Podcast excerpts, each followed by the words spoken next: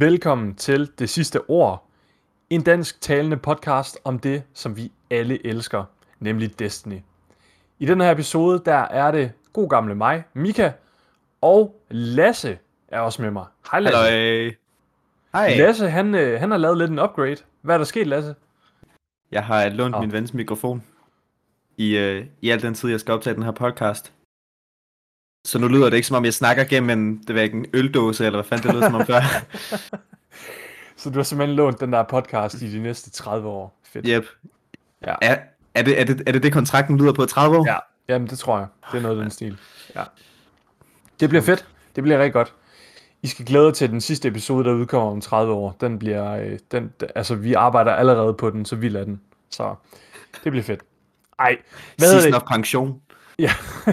Inden vi hopper ud i dagens episode, så skal jeg altså lige, og den vil jeg meget gerne tage på mig, jeg vil gerne bare lige sige undskyld for to ting i forhold til sidste episode. For det første, så ved nærmere eftertanke efter sidste episode, så havde den en super clickbaity titel, som ikke var super relevant for, hvad der sådan skete i podcasten. Jeg Og- prøvede at stoppe dig. Jeg prøvede at stoppe dig. Men der havde jeg allerede published den, og der var jeg sådan, det.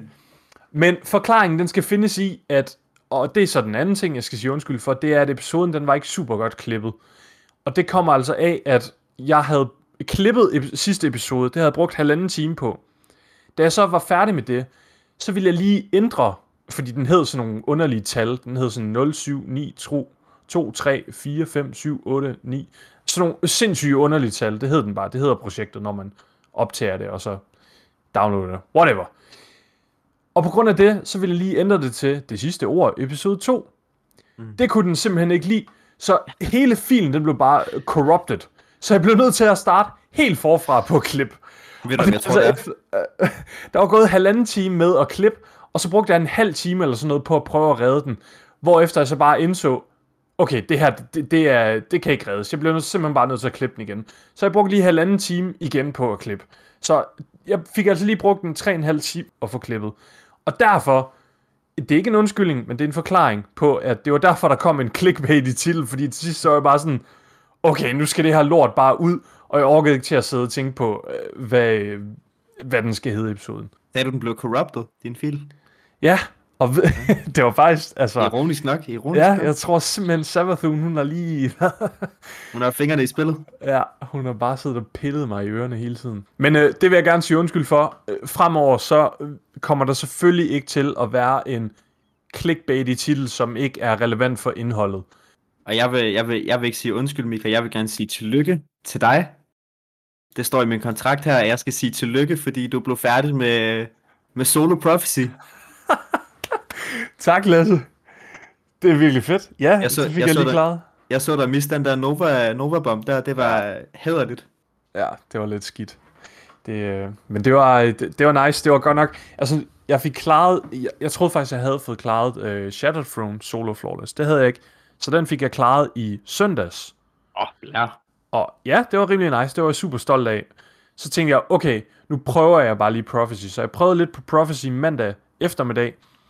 Og øh, tænkte sådan, okay, det er faktisk doable. Kommer op til bossen, så bl- oh, kommer jeg til at hoppe ud over, når man er det der øh, sidste stykke der. Ej, Så tænkte jeg simpelthen om aftenen, nu streamer jeg, nu prøver jeg det. Og jeg fik klaret det, inden jeg gik i seng. Så det var en sindssygt god afslutning på Season of the Spicer. hvad, har, hvad har været den sværeste? Prophecy eller Throne? Prophecy var sværere. Ja. Det var mere bare, Shadowthrone, der er bare, den tager bare så lang tid. Og Ja, det, ja. der egentlig er svært ved den, det er det der Ogre Room, synes jeg. Åh, oh, ja. Ej, den, kan jeg, den har jeg Fordi de, overhovedet ikke lyst de at lave andre sektioner, de sådan, de, de er ret håndterbare. Så, Ja. ja. Nå, vi skal hoppe videre. Jeg vil bare lige kort også introducere øh, Mika, mig selv og Lasse igen, fordi jeg fik ikke rigtig en introduktion i første episode af podcasten, udover at sige, hey, jeg har været med i de danske Guardians, og det her er det sidste ord, og mega fedt. Lasse, han fik sådan lidt en, en gemen intro, og han blev også præsenteret som en gæst, men Lasse han er altså en fast del af den her duo nu, der hedder Det Sidste Ord. Han kommer til at være en fast vært her i podcasten også De næste 30 år. i de næste 30 år. Så det bliver rigtig godt. Men som sagt, det udelukker ikke øh, podcastens præmis med, at jeg gerne vil have mega mange gæster ind, og jeg vil gerne have alle mulige forskellige mennesker ind. der kan komme og diskutere og snakke om podcasten. Nu hopper vi videre til præsentationen af Lasse. Vil du ikke starte? Jo, jeg hedder Lasse, og jeg er 20 år gammel. ja, det er så trivielt.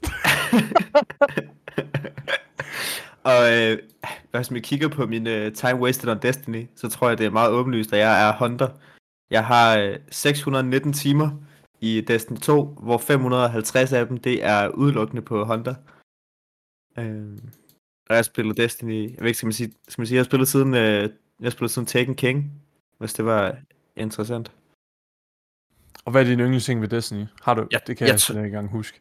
Jeg tror, jeg prøvede, jeg prøvede at være rigtig sød i første episode af season. Det var det sociale aspekt. Men, øh, men jeg, kan, jeg kan bare virkelig godt lide universet. Altså alle de forskellige planeter og våben og sådan noget. Så world building, eller hvad?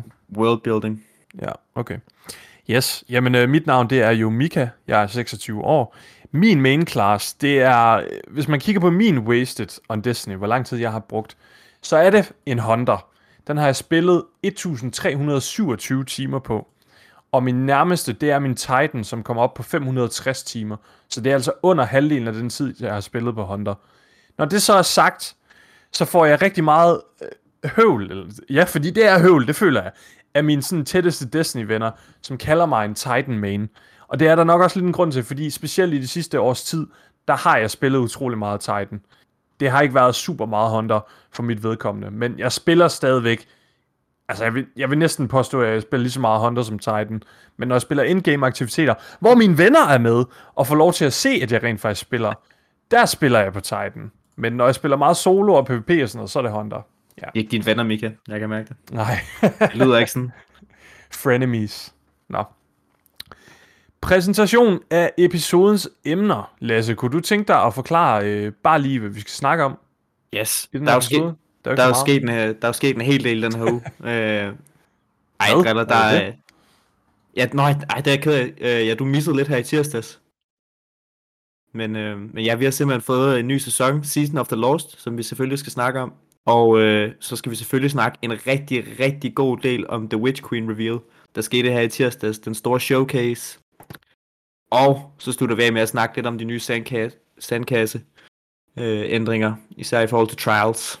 Uh, uh, uh, det kan man meget at høre. Sandkasse. Ja, det er så fedt. Dejligt. Det lyder rigtig godt. Og så øh, synes jeg da bare, at vi skal hoppe videre til en kort lille pause. Lasse, vil du præsentere noget musik, vi skal lytte til? Jeg har taget et lille nummer med i madkassen her i dag. Øh, og det var et nummer, jeg kom i tanke om, efter vi så det der lille warm-up til øh, showcasen, hvor de spillede nummeret The Awoken fra Taken King, som er sådan en af de mest mystiske og sådan fantasy, det var ikke sådan kaldt sådan fantasy-agtige nummer, som der er i Destiny soundtracket, Mm. som jeg synes er virkelig fedt komme tilbage med Forsaken.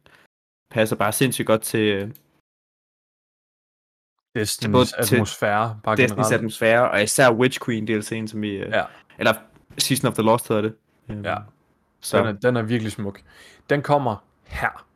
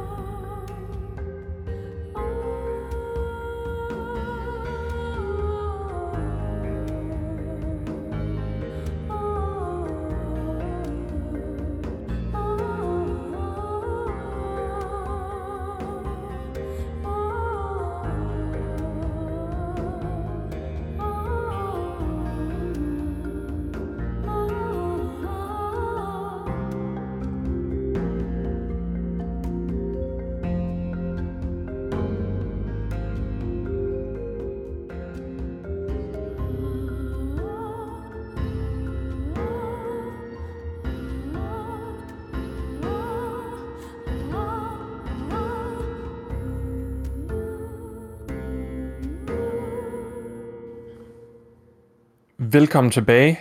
Vi er super klar til at snakke om Season of the Lost nu. Season of the Lost launchede jo i tirsdags lige efter, at vi havde fået den her massive reveal af The Witch Queen og Beyond. Og det var faktisk en utrolig god launch. Altså, øh, der, har, der var ikke rigtig nogen serverproblemer. Jeg kom ind sådan øh, rimelig meget med det samme.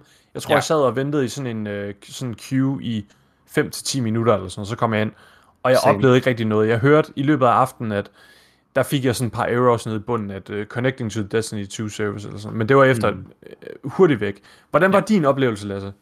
Jeg kom også til en relativt hurtigt, vil jeg sige. Uh, det eneste, jeg havde problemer med, det var, det var, altså, jeg oplevede lidt i en periode, hvor jeg ikke kunne uh, skifte våben.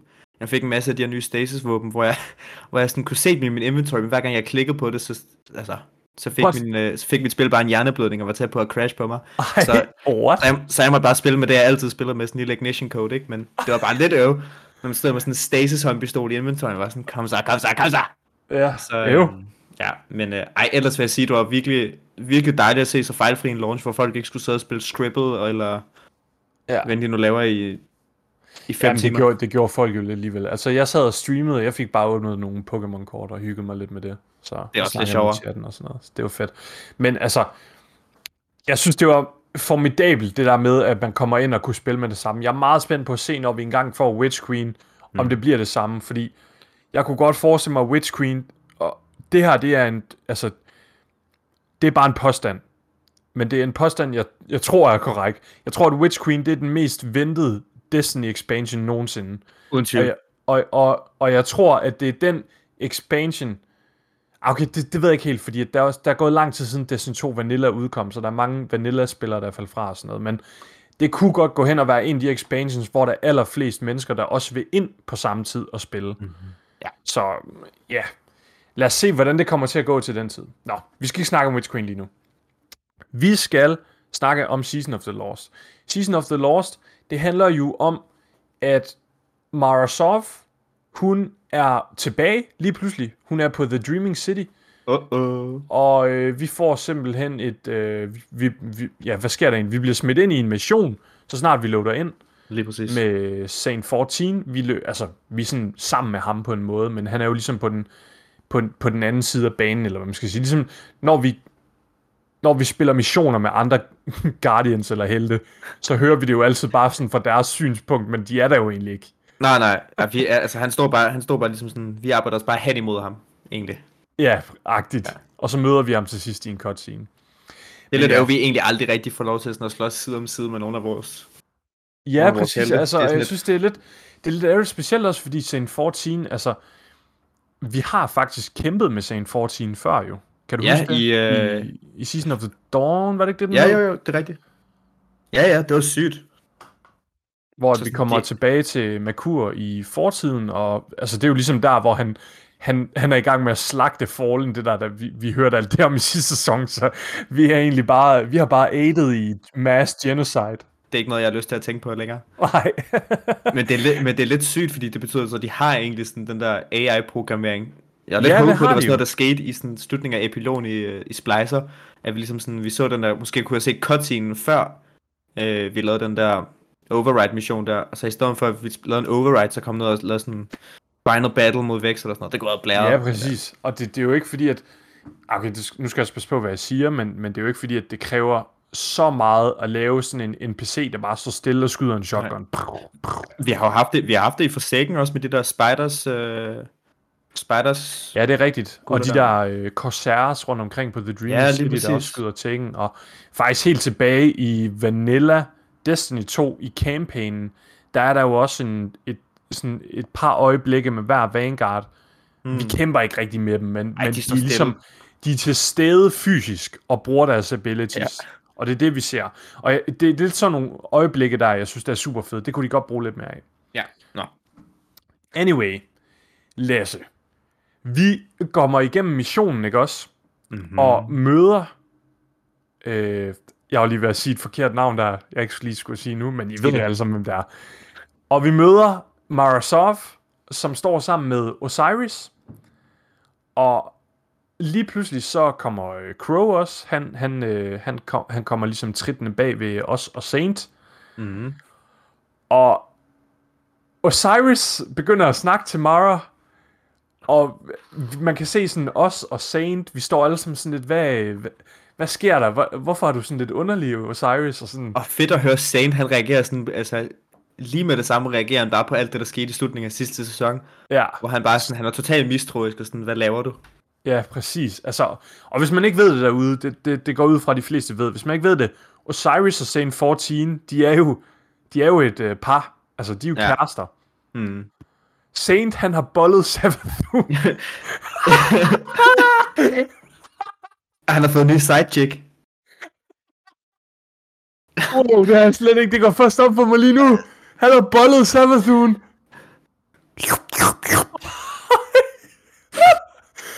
oh my god. Det er det, der sker, når man bliver, når man bliver smidt ud af det. Undskyld, jeg bliver smidt helt ud af den. Jeg skal...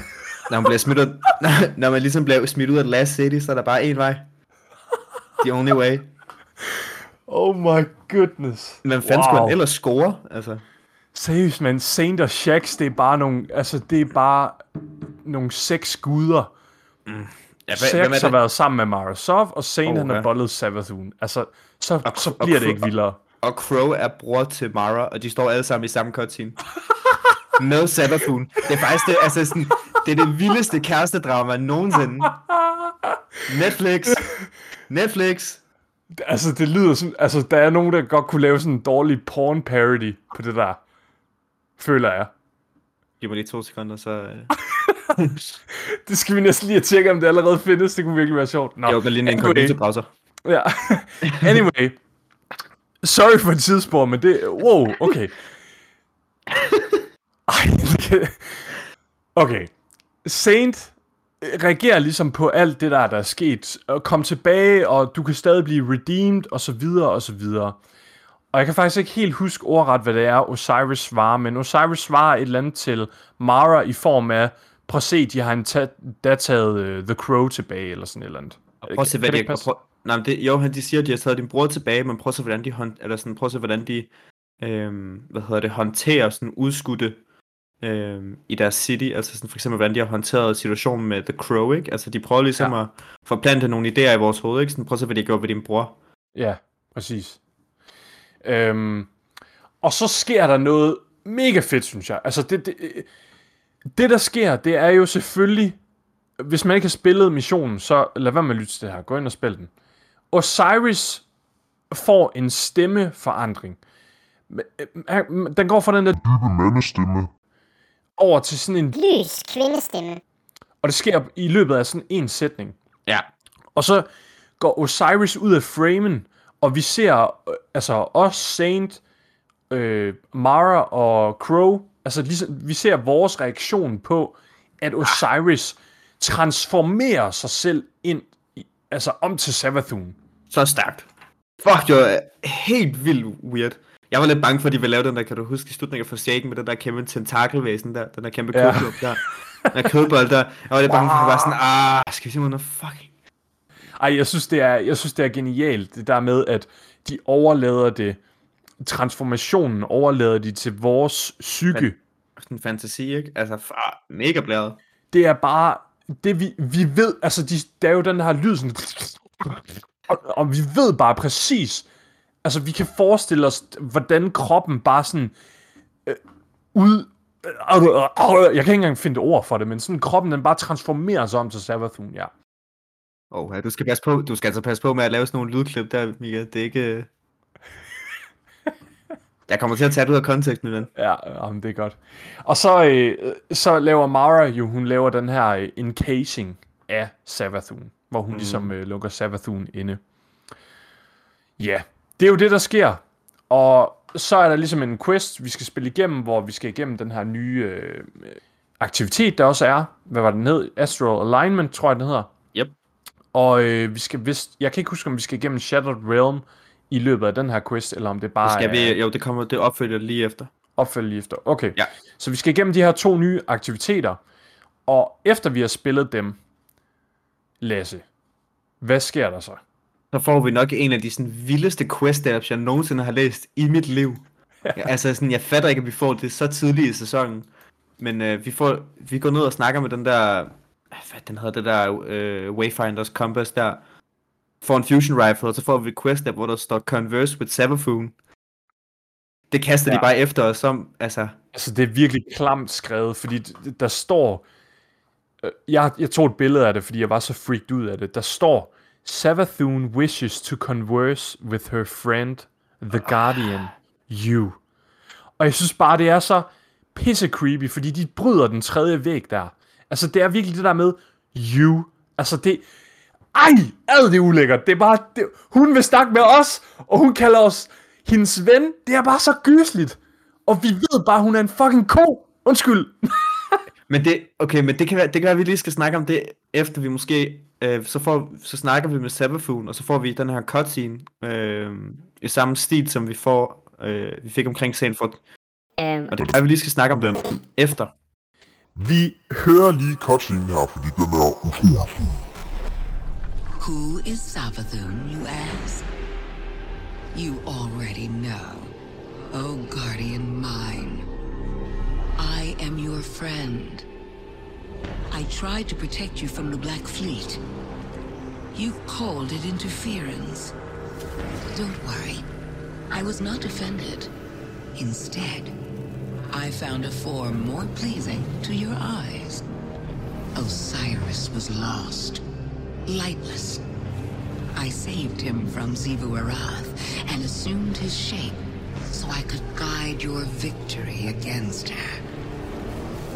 I ferried the reborn prince to your city so he could be redeemed. I protected Zavala from Kaido's ambitions, ending a war before it could even begin. I delivered the House of Light on its knees to Ikora. I unmasked the enemies lurking inside your city's walls and destroyed them. You may disagree with my methods, but you can't argue with results. I am no villain, and you are no hero. We. En mega sindssygt fed cutscene. Altså, det... Jeg er faktisk lidt på røven over, at vi fik den allerede week one. Øh, øh, Der skete alt for meget den første dag, til at jeg kan håndtere det. Altså sådan i tirsdag, tirsdag var et overload af Destiny. Det, altså, jeg kunne ikke sove efter. Altså, øh, hvad, hvad... Nu sagde jeg lige noget til dig lige før, i forhold til mm. den her cutscene. Og jeg vil også råde jer til det derude, lytter. Hvis I ikke, eller hvis I har set den, så gå lige ind og se den igen. Og så prøv at lægge mærke til, hvordan Osiris bliver holdt i framen, i, eller sådan i billedet i midten af cutscenen, et godt stykke af vejen, hvor man ligesom ser ham fra ryggen af, og hans, eller Sabathuns, eller Osiris' perspektiv på de events, der udfolder sig. Samtidig med, at vi ser en skygge fra Osiris, som bare er en masse møl. Altså, da, da, ja, ej, det er så klamt. Jeg synes virkelig, det er en, en fed trailer, det her. Jeg er helt vild med Sabathuns voicecaster, eller det? øh, voice actor hedder det. Ja, Den, Det er virkelig. Godt, du kan godt lide lyden på det. ja. For, fordi jeg har, jeg, har sådan, jeg har det lidt ambivalent med det, fordi jeg ved ikke, om du har tænkt over det, men de sidste mange bosser, eller de sidste mange sådan fjender øh, og karakterer, vi har haft med at gøre, har alle sammen haft sådan en øh, meget menneskelig stemme. Keitel, øh, Mithrax, de lyder alle sammen, det- altså hvis du kan huske, Mm. hvad hedder han, Varix, han har de Ja. der sådan, han har den der ultimative elixir, hvor han har det der, med alle de der sådan små kribbel krabbel lyde der. Ja, det er rigtigt. Og han snakker okay. meget mere bare som et menneske, men det, Må jeg det er godt lige måske dele bare en hurtig, en hurtig sindssyg fed fact om mm. Varix. mega gerne. Varix's meget tunge Elixniak-sang, Ja. den er faked. Han taler flydende, perfekt engelsk. Han faker den der accent for at virke mindre intimiderende over for os Guardians. Okay, det er... Det er en mega fed detalje, synes jeg. What? Okay, nå, men så tager jeg det alt tilbage. Men, men jeg, jeg havde lidt sådan, især når vi, altså, især med Oryx, som jo bare var sådan, the ultimate baddie. You, have, you killed my son, eller whatever, ikke? Men sådan, han lyder super ond. Og jeg, men, det, men samtidig, jeg, det, grund til at sige, at det er ambivalent, det er fordi, det også passer godt til hendes karakter, at hun lyder så menneskelig, og så, øh, hun lyder ikke så skræmmende, som hun egentlig burde. Da der var revealen der i tirsdag, Lasse, der skrev vi også lige lidt sammen bagefter. Hmm. Og grunden til, at jeg rigtig godt kan lide Sabathuns voice actor, det er fordi, at den stemme, den er den er, den er lidt fræk, og den er sådan, men ikke på sådan en seksuel måde, men mere på sådan en, ikke. Den er på sådan en enticing måde. Det er sådan en stemme, jeg har Mhm. lyst til at lytte mere på, men samtidig ved jeg også, at, at jeg bør ikke lytte til den. Det er lyden Altså, af en og- løgner. Det er lyden af en løgner, og, og det er derfor, jeg synes bare, det er så... Altså, voice actoren gør det rigtig godt, men der er jo helt sikkert også en masse editing ind over det, ikke også? Altså, de. Helt har, jo- de har jo klippet det på en eller anden måde, eller tilføjet nogle effekter, så det lyder mere Savathun-ish. Mm. Men jeg synes bare, at... Jeg synes, den her stemme, den passer virkelig godt til Savathun, fordi jeg har lyst til at lytte til mere, men samtidig ved jeg det er forkert. Helt Og så synes jeg også bare, at det her med, at, at det er en, en, et perfekt engelsk, der ligesom bliver formuleret, eller hvad man skal sige, at jeg synes bare, det passer rigtig godt til hendes karakter, fordi at ah, hun er bare mesteren af løgn. Når Ja, du ja. kigger på hende, hendes karakter jo, det er jo noget af det mest hæslige, der nogensinde er.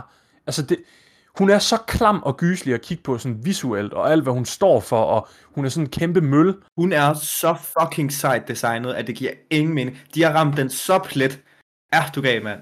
Og det er derfor, jeg synes, stemmen, den, den er så mega god til det, fordi det er sådan en, det står bare i så stor en kontrast til, hvordan hun ser ud. Altså, Ja, det er rigtigt. Hun er ligesom, det er ligesom en sirene fra mm. sådan nogle øh, mytiske historier. Ja, eller fra lige Pirates of præcis. Caribbean, ikke også? Altså, Jamen, det er det der, en mega smuk og enticing stemme, men i virkeligheden er det bare et monster.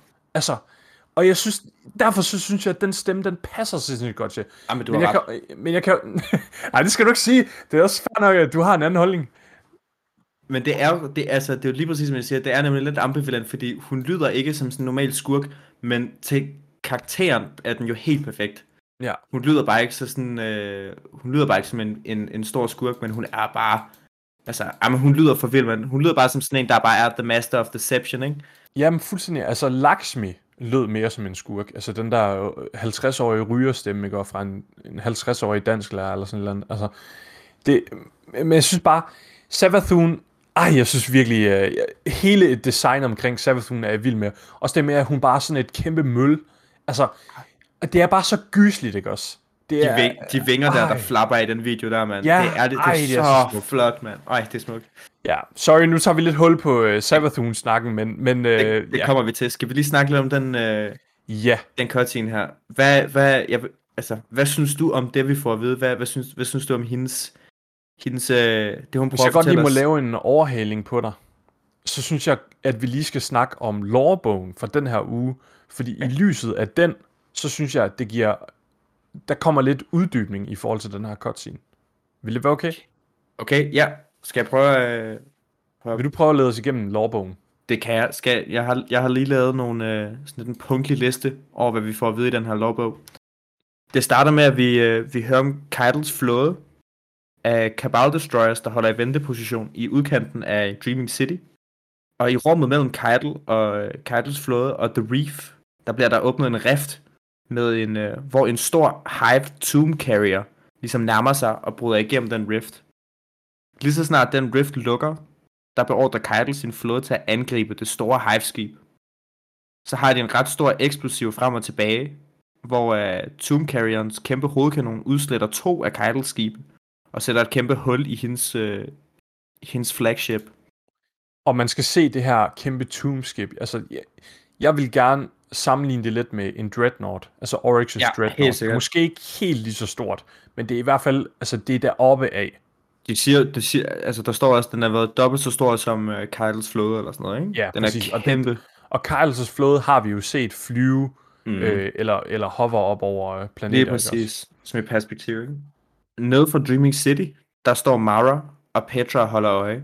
Og Petra, hun, øh, hun overværer ligesom Maras meget kølige blik, når hun står og kigger på den krig der.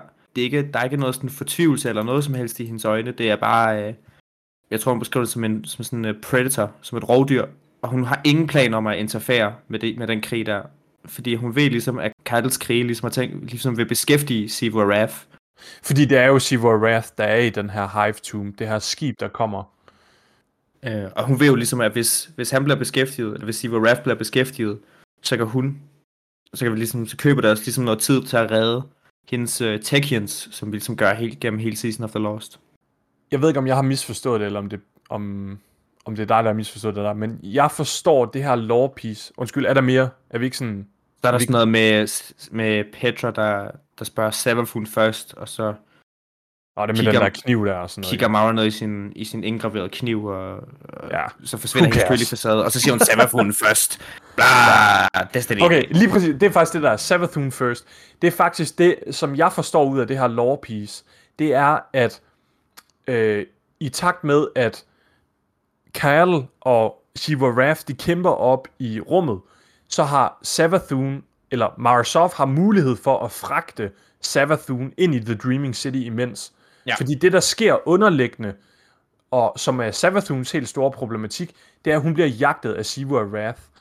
Fordi at Kayatl, hun ligesom er i gang med at have krig derop, så kan, eller så kan Savathun slippe ind i The Dreaming City og simpelthen blive øh, enfrosted, eller øh, bl- blive smidt i den der ting der, som Savathun, ja. eller øh, Marasov hun gør.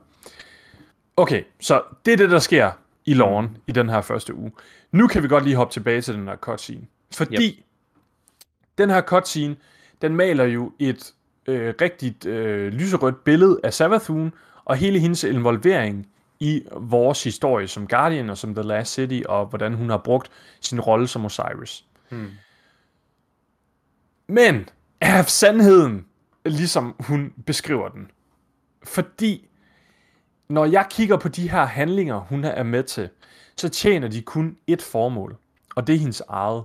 Mm. Og specielt den her med, at hun, hun kommer ind på at sige, jeg vejledte Zavala til at undgå et våbenkapløb eller en krig med Kayatl. Mm. Og grunden til, at det er sket, det skal nemlig findes i den her lorebog, som udkom den her uge. Det er jo netop fordi, hvis vi havde været i krig med Kayatl, eller Katie, eller whatever, jeg kan ikke sige det navn. Hvis vi Heidel. havde været, Keidel. Hvis vi havde været i krig med Keidel, så ville vi begge to være svækket.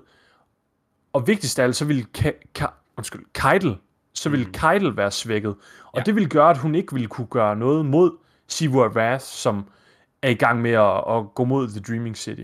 Lige præcis. Grunden til, at Cattle og hendes flåde, de overhovedet angriber, det er jo også fordi, at hele hendes befolkning, hele hendes kabalfolk, de hungrer efter noget krig. Altså, det er jo, det er jo, vi, det er jo Space Vikings. Og det De vil det, have, at der skal være noget plyndring. Og fordi, at der ikke var en krig med The Last City med jorden, fordi at der blev sat en øh, våbenhvile op der, så kræver folket, at der skal komme noget andet blod. Og derfor så siger de, vi skal angribe The Dreaming City.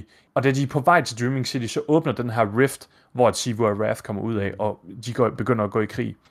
Og det udnytter Savathun jo til at komme ind i The Dreaming City imens. Hmm. Så ud fra det lys, så den her trailer, eller den der uh, cutscene med Savathun, hun er en freaking slange, og hun twister eventsene til, at det virker som om, at det er hende, der er den gode. Men det er hun jo ikke, Lasse.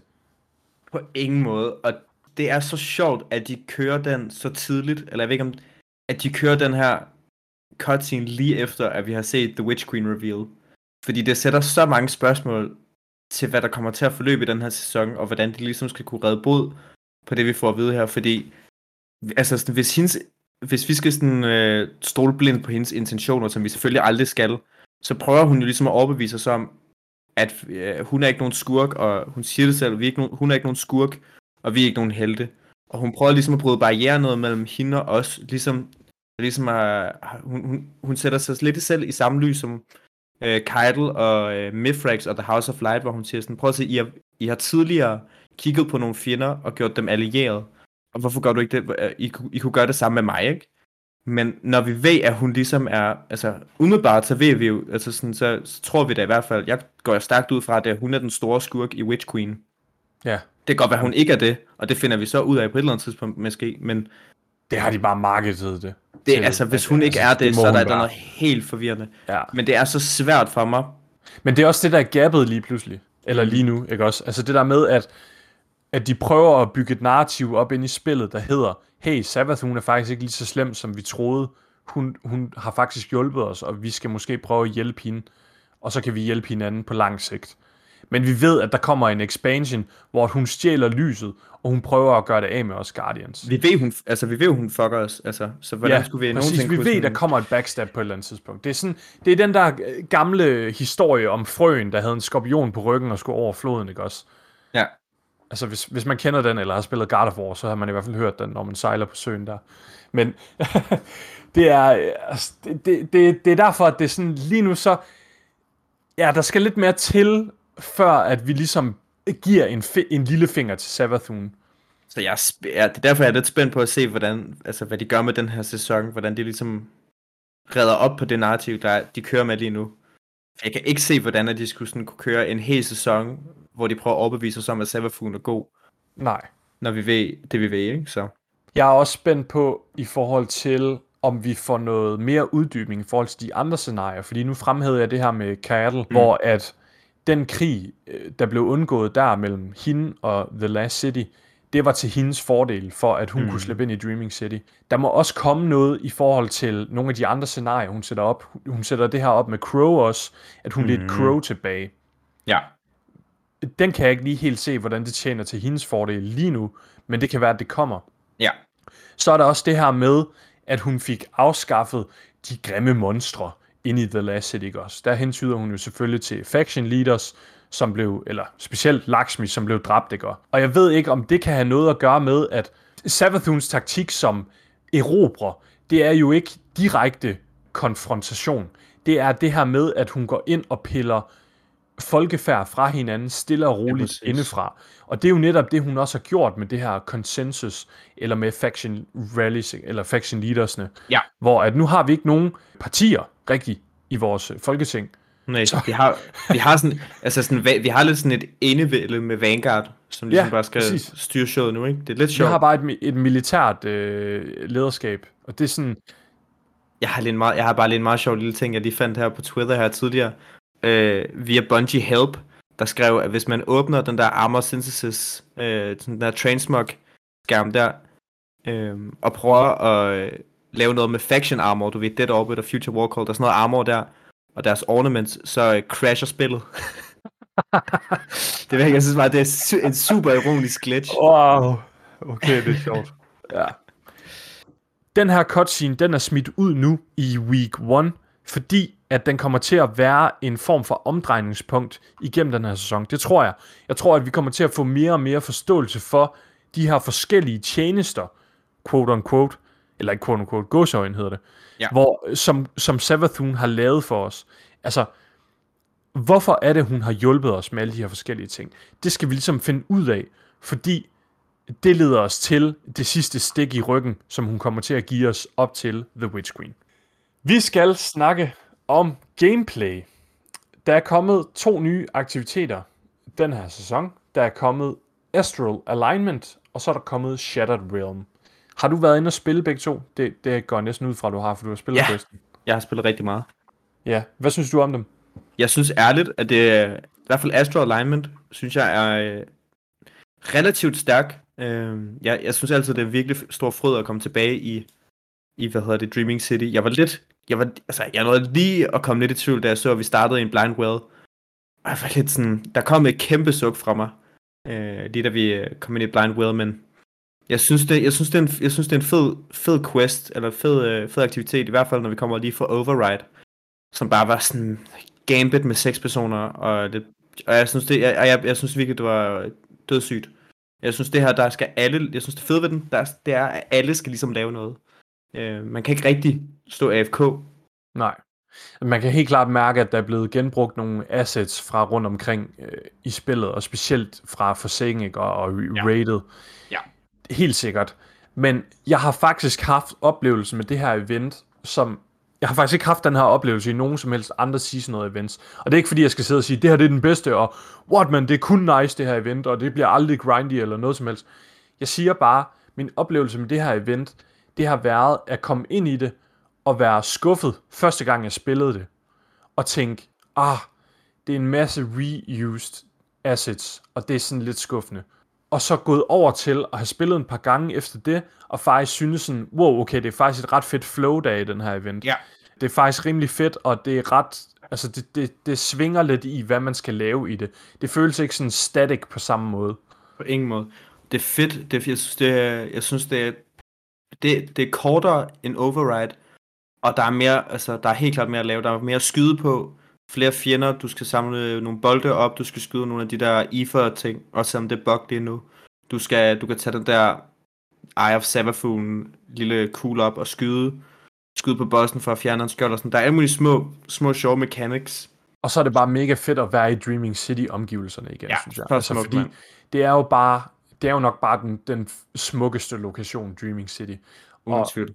det her med at løbe rundt og lave content i den, det er mega nice. Det har vi ikke rigtig haft så meget før, hvis man tænker over det, fordi vi har, ha- jo, vi har haft The Last Wish, og så har vi haft øh, Dungeon, men den foregår ligesom i en Shattered Realm jo.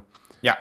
Og det her med, at vi rent faktisk har et eller andet at lave i Dreaming City, udover at det bare sådan er patrol, eller nogle få story missions og sådan noget, det, det synes jeg er rigtig nice, det her med at kæmpe i omgivelser. Det rigtig fedt. Så er der også kommet Shattered Realm, som er øh, svaret på, øh, hvad skal man sige, Expunge i forhold til sidste sæson. Det vores pinnacle uh, story. Lige præcis. Og Lasse, d- d- hvordan havde du med den her aktivitet? Havde du forventet, hvad du rent faktisk fik, da du kom derind? Det var, det er, det var en kæmpe overraskelse, ærligt. Fordi jeg var ikke særlig stor fan af Expunge, så jeg synes, det var øh, virkelig vildt at se, hvor mange sjove små mekanikker og sådan noget, der foregår derinde. Og hvor interessant og relativt nyt det er, i forhold til, hvor mange gange vi har været inde i The Ascendant Realm, gennem sådan Forsaken og øh, gennem Forsaken DLC'en, så synes jeg, det er super fedt at se, hvor meget det har ændret sig, og hvor mange sjove forskellige sådan, hemmeligheder, man kan finde derinde. Jeg ved, jeg ved ikke, om du har lagt mærke til den der store kirke, man er i ved det første sted, er jo øh, Trustland Devon Case kirke der. Sådan. Jeg synes, det er super nice. Og med alle de her små forskellige, hvad er det, nogle seals, eller hvad man skal kalde det, sådan de der forskellige Ja, ja, de der barrier breacher. Forskellige uh, secrets rundt omkring. Det er svær eller sådan noget. Lige præcis. Det giver mig sådan lidt, øh, jeg ved ikke helt, hvad man skal, hvad, hvad, hvad det minder Jamen, jeg, om. kan heller ikke, jeg ved heller ikke, hvad jeg skal sætte det op imod, men jeg synes bare, det er en fantastisk følelse, det her med at løbe rundt ind i aktiviteten. helt vildt interessant. Og i start, det minder, at det er det er, det tror jeg, det tætteste, vi kommer på det, det er måske sådan det første sted i Shattered Throne. Den første del, det, det er lidt det vibe der. Øhm, men det er det, rigtig det, meget. Jeg er helt vild med de her hemmeligheder, de har lagt ind i det. Altså, ja. Ja. det er ikke bare en det er ikke bare en expunge, hvor du skal fra point A til point B as fast as possible, og så er aktiviteten over. Altså, der, det, det bliver helt sikkert trivielt på et eller andet tidspunkt, det er uundgåeligt, men lige nu så føles det bare som sådan et kæmpe område, man er Ja. inde i, hvor der sker en masse ting, og der er en masse secrets og sådan noget, og jeg glæder mig utrolig meget til at få ranket op i mine forskellige, øh, de der skill trees, eller ability trees, eller hvad det hedder, og ligesom få udvidet min eventyrlyst og mit skattekort der. Altså og det den- bliver, Det er, en Så fed føl- det er en fed følelse at glæde sig til at vende tilbage til det område, synes jeg. ja, Øhm, det, det, det, det, jeg har ikke haft det på samme måde. Sådan, jeg tror, øh, Presage for det samme. Øh, det der med at sådan vende tilbage, og så få noget nyt lore, eller noget. Mm. Alle de forskellige ting. Jeg synes, det er super cool. ja, jeg glæder mig allerede til næste uge for at se, hvad der ligesom sker. Altså Helt sikkert. helt vildt meget. I forhold til gameplayet, som vi lige snakker om lige nu, i den her sæson, så vil jeg bare lige sige, at vi kommer til at snakke om våben og sådan noget senere i sæsonen, og vi lige har en lidt bedre feel på det, og vi har fået nogle flere våben og nogle bedre rolls, og Lasse rent faktisk kan tage sin stasis-våben på, uden at spillet crasher, og det bliver godt. Så er der jo også kommet en Exotic Quest. Har du spillet den? Ja, altså vi har til gengæld ikke så meget af den lige nu. Jeg synes. Nej. det var en fin start. Hyggeligt at få læst lidt sådan fairy tales op på Morozov ind i den der, mm, altså super flot designet, øh, designet lille rum. Jeg ved ikke helt, hvad det er for nogle rum, men det var mega Nej, cool. det er sådan, det er sådan, det er sådan, det er sådan en dok imellem vores virkelighed og så Mm. en eller anden anden virkelighed, eller sådan okay. Imellem virkelighed, eller sådan, jeg, jeg ved det heller ikke helt. Nej, det er en eller anden- smukt. Portal, portalrum, ja. Mega fedt. Der har vi jo samlet her i første uge det første sæt af de her øh, pinde, øh, jeg kan ikke engang huske, hvad de hedder, men det er sådan nogle pinde, Anchors. rundt, Anchors, ja, eller sådan noget. Man skulle rundt og samle dem her. Og der er stadigvæk tre uger med det, og så lader det til, at det kommer til at åbne en portal, og det er den portal, vi skal ind i, for at få fat i det her Exotic, den nye Exotic, som kommer mm-hmm. med den nye dungeon også. Det glæder ja. mig helt vildt meget til. Ja, altså, det er virkelig. faktisk nok mit højdepunkt for den her sæson lige nu. Helt sikkert. Og Jeg synes, det, jeg synes ærligt, det lyder super cool, indtil vi skal have fat i det der Ager scepter, hvor det er, at Aldrin har det ene scepter eller sådan noget, ikke? Og det er, jo, altså og det, det, er lidt jo, en for, og det er lidt en fortælling om Marasov og Aldrin. ja, det bygger jo på den her, øh, der er sådan en mytisk historie omkring The Awoken, hvor at der er to fugle. Den ene er cunning og planning og øh, ja, meget ledertype og sådan noget, og den anden er utrolig eventyrlysten, men har et godt hjerte. Og de her to, for- de, de vil ligesom hver deres, og for at binde dem for evigt, så plukker moren en fjer fra dem begge to, og ligesom altså laver det til et eller andet artefakt, og giver til den anden tvilling. Og det bliver ligesom til sådan nogle mytiske øh, awoken artifacts. Og der siger Mara, hun slutter så af med at sige, at det faktisk er en ægte historie. Den er baseret på Aldrin og Mara. Og det er jo selvfølgelig Aldrin, der er eventyrlysten, og Mara, som er en ledertype og cunning og så videre. Og hun har allerede et af de her artifacts. Og Aldrin, han er ligesom på eventyr efter det andet. Og jeg synes, det er mega fedt det her med, at vi ligesom, vi, vi tracer Aldrins fodspor igennem den her quest lige nu. Fordi vi hører noget, hvor han snakker, og det er jo inden han blev til en Guardian. Så det var tilbage, hvor han var, altså øh, Aldrin Sov. Og øh, jeg synes, det er, det er mega cool. Altså det, jeg glæder mig utrolig meget til at lære, eller høre lidt mere om hans karakter for den gang, fordi han var altså også en spændende karakter selv dengang. Og det er jo lidt, og det, og det er jo derfor, at Dreaming City er så flot, fordi det bare, de der awoken historier, sådan de der, det er så sådan, det bliver bare ikke mere fantasy end det.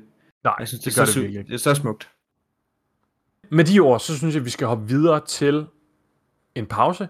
Efter den, så vil vi snakke om The Witch Queen Reveal. Det er nok episodens højdepunkt, føler jeg lidt lige nu. Øh, jeg glæder mig sindssygt meget til at snakke om det. Inden vi skal til det, så tager vi som sagt en pause, og der kommer der lige en reveal-trailer for The Witch Queen. Den kommer her.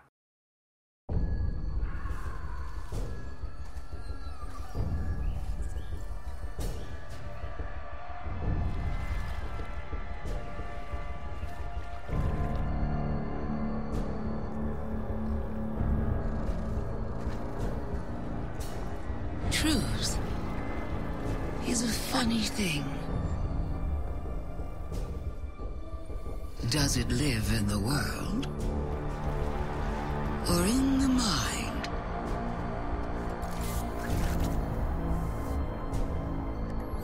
Is it constant? Or can it be bent?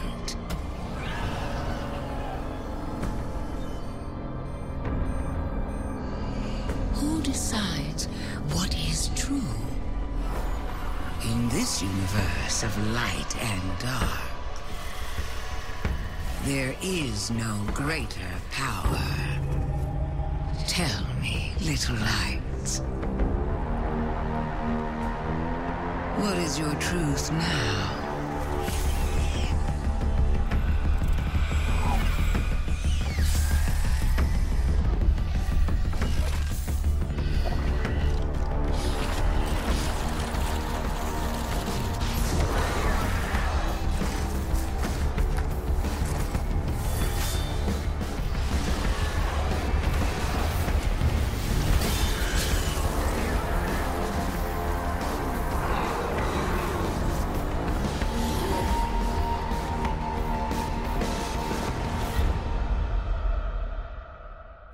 Velkommen tilbage efter en mega fed trailer. Altså, jeg håber, I, jeg håber, at I fik noget ud af at lytte til den. I hvert fald bare lidt omkring stemningen. Farverne, der bliver kastet rundt i den her trailer, Lasse, det er et throwback til, der var en Beyond Light reveal trailer. I starten af den, der ser vi også de her farver flikker på den måde, som de gør i den her trailer ude i skoven i starten. Ja. Og det er faktisk noget, der går helt tilbage til Destiny 1 Vanilla, hvor at vi ser astronauterne komme op på Mars, hvor de finder The Traveler. Der ser vi også det her lys, der sådan flækker ind over skærmen. Og det er det samme, de gør brug af igen i den her trailer. De ved, hvad de laver. Altså, Ja, altså, det er de, de gør det i starten af Destiny 2. Kan du huske lige da vi mister vores slide, eller det der, hvor Ja. vi ser den der fugl flyve, sådan, altså det er... Er du galt, hvor kan de finde ud af at lave en fucking god trailer, mand? ja det er virkelig godt. Oh, Og du er, helt vild, du er helt vild med fonten for The Witch Queen. Jeg har ikke set noget lignende. Det er sådan, der er næsten noget sådan lidt... Øh, jeg, ved, jeg, jeg tænker altid på sådan lidt piratagtigt. Der er sådan lidt uh, Pirates of the Caribbean over det. Ja, Sådan dødning med hovedet.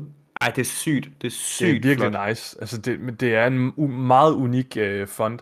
Jeg synes, den her trailer, den er så fedt lavet. Specielt i starten, hvor at det er bygget op på sådan en rigtig klassisk gyserfilm måde, mm. hvor at vi ligesom ser fra tre forskellige synspunkter det samme udfolde sig lige så stille og roligt, ikke også?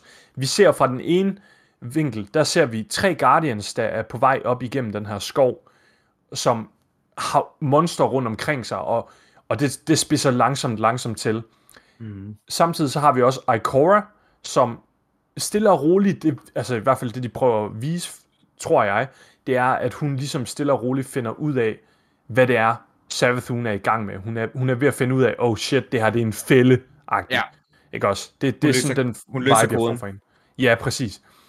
Og så til sidst, så, eller simultant er det jo egentlig, så ser vi Savathun, som går ned i noget vand, og genoplever de her hive.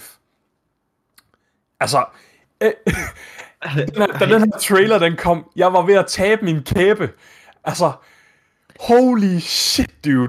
Og Jeg tror, jeg freaking, ej, what? Jeg tror, jeg sætter dig et billede af bare mig med sådan min, min knytnæve i munden. Jeg var helt på røven. Jeg havde ikke i min vildeste drømme troet, at vi skulle se fucking Hive Guardians. Nej. Det er, det er for sindssygt, det her. Altså, vi får jo ikke en ny enemy race, men det her, det er næsten så tæt på, som man kan komme.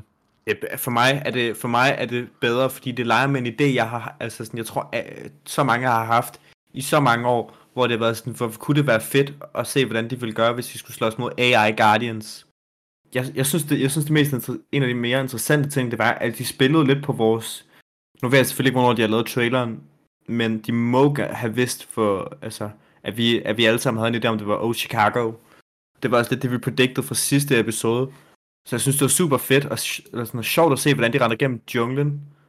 Ja, vi snakkede i sidste episode omkring det her med, om det kunne være Old Chicago, Dreadnought, eller måske øh, en Hive Homeworld, mm. eller en Hive War Moon. Ja. Så ja, det var det jo ikke helt. Men jeg synes, det, altså, jeg er ikke skuffet i forhold til lokationen. Jeg synes, det er Ingen måde. så fedt. Jeg glæder mig virkelig meget til at komme ind i den her Throne World.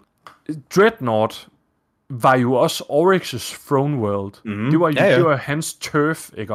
Jo. Og i forhold til Hive, magi og sådan noget, den eneste måde, vi virkelig kan udslette de her monstre på, eller Hive på, det er ved at dræbe dem ind i deres egen realm. Selv Crota, som vi dræber i Rated Crota's End, det er også inde i hans Throne World. Den Ja. er jo selvfølgelig ikke lige så stor, som Dreadnought er, og Dreadnought, den er ikke lige så stor, som, som den her Throne World, eller Ingen måde. Savathuns Throne World er. Det er... Ej, jeg glæder mig til at komme derned. Det virker mega fedt. Der er svampe, der er skov, der er sådan en kæmpe fortress. Jeg tror, det bliver en gigantus. Den lokation, jungle, her. den jungle der, den giver mig lidt... Øh... Jamen, jeg synes, det, jeg synes, det er super... Altså, jeg synes, det er fedt, at de leger med så mange forskellige former for sådan art style, eller sådan forskellige former, fordi det giver mig lidt... Det, hendes fortress giver mig både sådan Scarlet Keep, Ja, øh, Dreaming City, og så Dreadnought. Der er sådan en god blanding af det der, hvor det er sådan det der Hive Castle, og så nedenunder, så har vi jo, fik vi at vide, og så har vi den der kæmpe slum, eller sådan en kæmpe svamp, den der kæmpe jungle der, mm. som ser virkelig, virkelig smuk ud. Sådan, taget direkte ud af sådan noget World of Warcraft-agtigt. ja, Og så, øh, og så kommer vi helt ned i helvede. ja. Det Øh, føles sådan. Altså, det Og det, er... og, det, det, og det er også det, vi ser, jeg ved ikke, om du har lagt mærke til, at det er også der, hvor Ikora står. Hun står også nede i den der, altså sådan, the bottoms of the hell. Hvad fanden man skal kalde det, eller sådan helt nede i øh, undergrunden. Det ser, det ser super, super smukt ud. Og hvis de kan holde den samme, hvad hedder det, den samme stil, som de har gjort med Dreadnought, hvor der, og Dreaming City, hvor der er en hel masse hemmeligheder i alle, alle områder, så er det, så er det mere end fint. Nu nævner du Ikora, Lasse. Destiny Community og generelt, altså, eller bare generelt Destiny Community, ja, de har brokket sig i noget tid over, at Ikora, hun er rimelig useless. Tror du, vi kommer til at få Ikora som venter på den her Throne World? Kunne det Wow, være, ja. kunne det være Jeg en har- mulighed? Jeg har helt glemt at skænke en tanke, at der selvfølgelig er Vendors i, øh, i forskellige destinationer. Ja, det vil jeg gå stærkt ud fra, fordi det ligner, hun har sat en lille base op. Ja, det ligner nemlig, hun har en base, og jeg tror, det vil være deres løsning på at gøre hende lidt mere relevant. Generelt glæder jeg mig også til at få Ikora med lidt ind i historien igen, fordi hun, hun har været lidt ligegyldigt. Mm. Sådan første- generelt det... igennem Destiny. Det er først, det og det er først her i, sådan, i Season of the Splicer, hvor vi virkelig er begyndt at, øh, at få hende tilbage, fordi Ja. nu har hun ligesom sin relation til Osiris, og hvordan hun håndterer, hun håndterede øh, Lakshmi og sådan. Jeg synes, hun er, jeg synes lige, lige så stille, hun er begyndt at... Hun ligger blive også vigtig. bare et underligt sted, altså sådan karaktermæssigt, fordi at hun er ikke, hun er ikke wacky. Altså hun er ikke en sjov karakter. Nej. Og den seriøse rolle, den bliver bare rigtig meget udfyldt af sådan en som Zavala og Ja. Eris, Hmm. som er meget mere øh, altså markante karakterer. Det er sådan nogle, der, der skiller sig meget mere ud. Så hun står lidt et underligt sted. Hun er, sådan, hun er bare meget sådan stoisk. Det er sådan hendes Ja. ting. Utrolig Men- meget. Og det er ikke fordi, vi mangler det, så sådan, det er lidt... Nej. Det er sådan, ja. Men jeg glæder mig meget til at, at se hende blive involveret lidt mere. Jeg tror også, der er et eller andet personligt i det her for hende, fordi Osiris var jo ligesom hendes mentor, ikke? og en, en, hendes ven, og en, hun ser meget op til. Ja.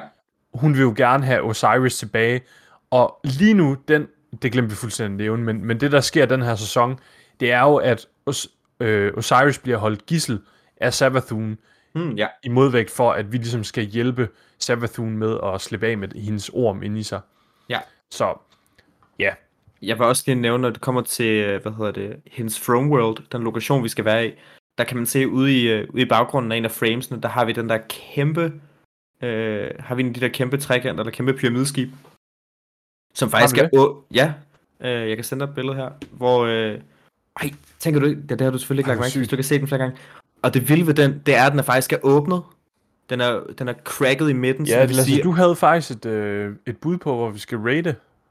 Det er nemlig, det er nemlig den pyramide der. Det er, øh, det, det har tror de du? lidt, det har de, det har, det har de lidt Let's spoilet. første podcast call. Det har de spoilet. damer og herrer. Har Det de har de, det, de, Hvordan? jeg, ej, fanden, nu skal, jeg skal nok gå ind og finde Lasse, du skal bare... Det her det er din eneste forudsigelse. Og hvis den holder stik, så har du en 100% success rate. Okay, vi skal fucking raid ind i den. Jeg ved ikke, hvem vi skal slås imod, men vi skal eddermame med i den fucking pyramide og slås, fordi Ja. de siger... Okay, nu skal jeg også lige falde til ro, ikke? Men Det kunne godt være Sivu og Wrath, vi skal nakke ind i rated, tænker jeg. Jeg kunne godt forestille mig, at Savathun, hun, hun har sin Throne World, og på en eller anden måde, så får hun lukket Sivu og Wrath ind i den, mm, for at vi så skal gøre det af med Sivu og Wrath derinde. Altså, Ja. det vil bare være typisk Savathun, det her med at udnytte os til at gøre det beskidte arbejde. Hun gjorde det samme med Riven i Last Wish.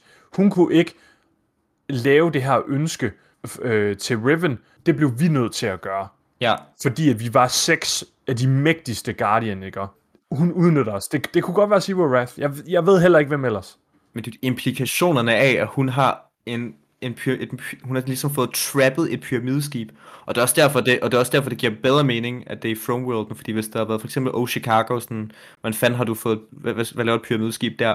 Så det giver meget bedre mening, men det vilde, jeg synes, det er, det er, hvor meget det kræver, altså hvor meget det må have krævet for hende at få trappet et pyramideskib, og få åbnet det, Ja. sådan ufrivilligt. Bare sådan Ja. cracket det åbent, men jeg synes, det er super Jamen, jeg, altså, Savathun er meget mægtigere, end, vi, end, end nogen som helst giver hende credit for. Okay.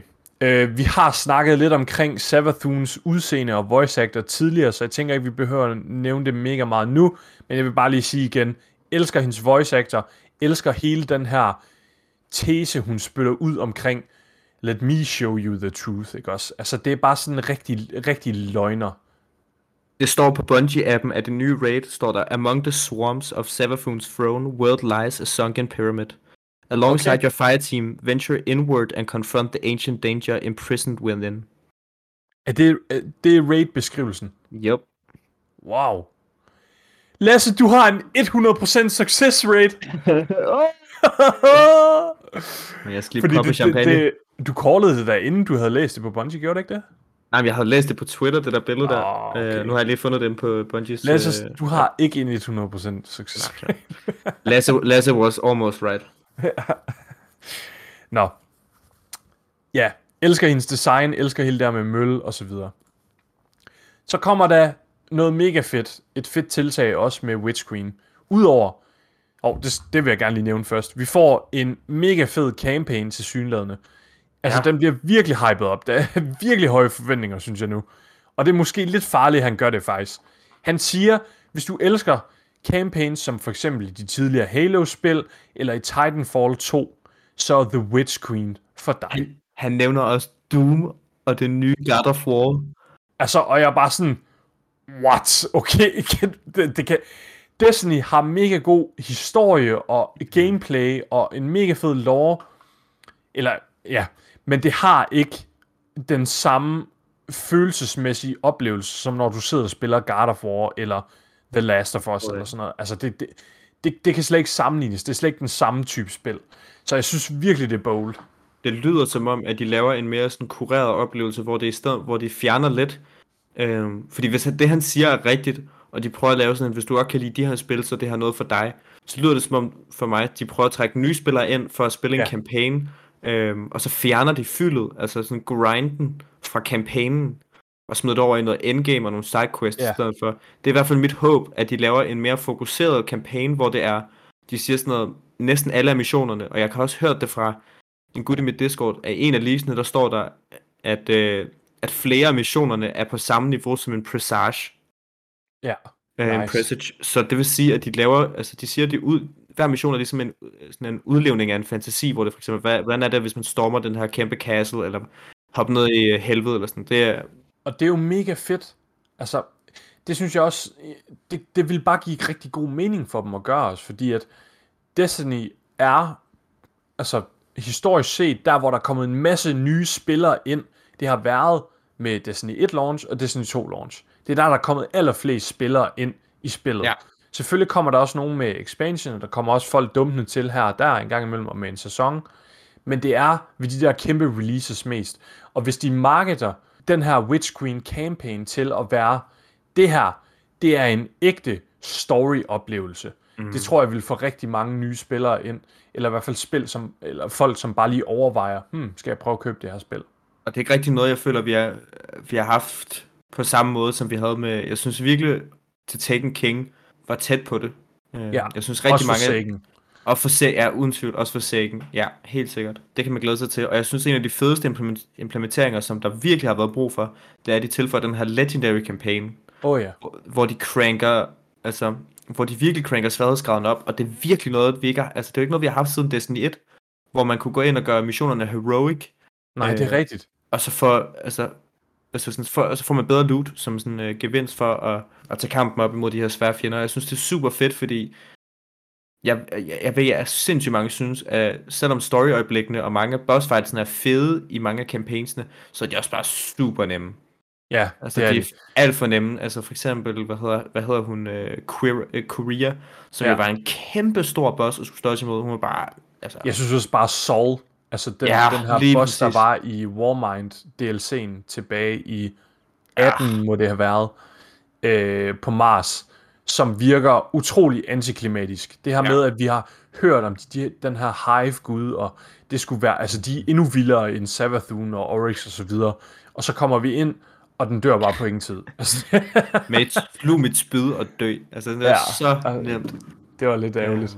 Så det bliver rigtig fedt. Det, det Ja. glæder jeg mig også til. Så kommer der med Witch Queen, der kommer der det her nye tiltag også. Weapon crafting. Mm. Og Glaive, der kommer et nyt våben, eller en ny våbentype. Jeg forstår ikke helt om det, det er vel en nyt våbentype. Ja, det er en ny våbentype. Jeg ved, jeg Ja. ved ikke, hvad de kalder det, men det, jeg ved ikke, om, jo, Den hedder våben, Glaive. ja, det er, våben, det er våbentypen, det er glaive, ikke? Ja. Ja. Og Glaive, det er det her øh, highly customizable weapon, som du kan ændre på alt efter, hvad du gerne vil spille med. Den, den er både en, den kan både skyde som en shotgun, den kan både skyde som en sniper, vist, tror jeg. Eller den kan i hvert fald skyde med sådan noget laser. Det er midrange projectile. Ja. Og så kan du også hakke dine fjender med den. Og du kan også lave et skjold med den og sådan noget. Okay, Det føles som et raid relic, føler jeg lidt. Altså sådan, man bare har på sit, man kan bare løbe rundt med. Rigtig fedt. Det, det ser super nice ud. Altså, virkelig fedt i traileren. Ja. der er jeg er virkelig nogle spændt. badass moments. Jeg er spændt på at se, hvor godt den føles. Øh, som sådan, altså, det er vores første third per- first person øh, melee weapon, hvilket jeg synes er virkelig spændende. Ja. Det, det, er noget, vi, det er noget, vi aldrig rigtig har oplevet før i Destiny, så det er virkelig spændt på. Og med sådan combos og sådan noget, det er super godt. Det ser cool ud. Men med det her glaive, det kan selvfølgelig, øh, den kan man customize, så man kan vælge, hvad for nogle perks og så videre, man gerne vil have på den. Og det er altså i det her weapon crafting. Udover the glaive, så kommer der altså også med en masse andre våben. De får også weapon crafting. Så du kan simpelthen vælge, hvad for nogle perks. Sådan, sådan virker det i hvert fald. Det er det, jeg hører, når jeg hører weapon crafting. De har jo selvfølgelig ikke fortalt det helt, hvad der kommer til at ske. Men det kommer til at være, at du kan vælge perks, du kan vælge masterwork, og hvordan dit våben skal fungere generelt. Mm. Og der kommer de til at gøre det med en række våben i Witch Queen, der udkommer der, og så kommer de til at lave nogle remasters af nogle tidligere våben i Destiny 2. Og der highlighter de blandt andet nogle øh, våben fra, øh, jeg kan ikke huske, hvad den hed, var det Season of Arrive? Nej, det var sæsonen inden, hvor vi havde Warmind-våben, hvor vi fik Ja. Warmind Cells. Ja, ja, ja. I ved, hvad jeg mener. Det er sådan nogle Warmind-våben. I har dem Ja. alle sammen. Seraph, Seraphim. Ja, Seven Seraphim, lige præcis. Så skal vi hoppe videre til nok den... Jeg ved ikke, om det er en af de største nyheder, man måske i hvert fald... Det er, sådan lidt, det er nok den største indirekte nyhed, der kommer med Witch Queen.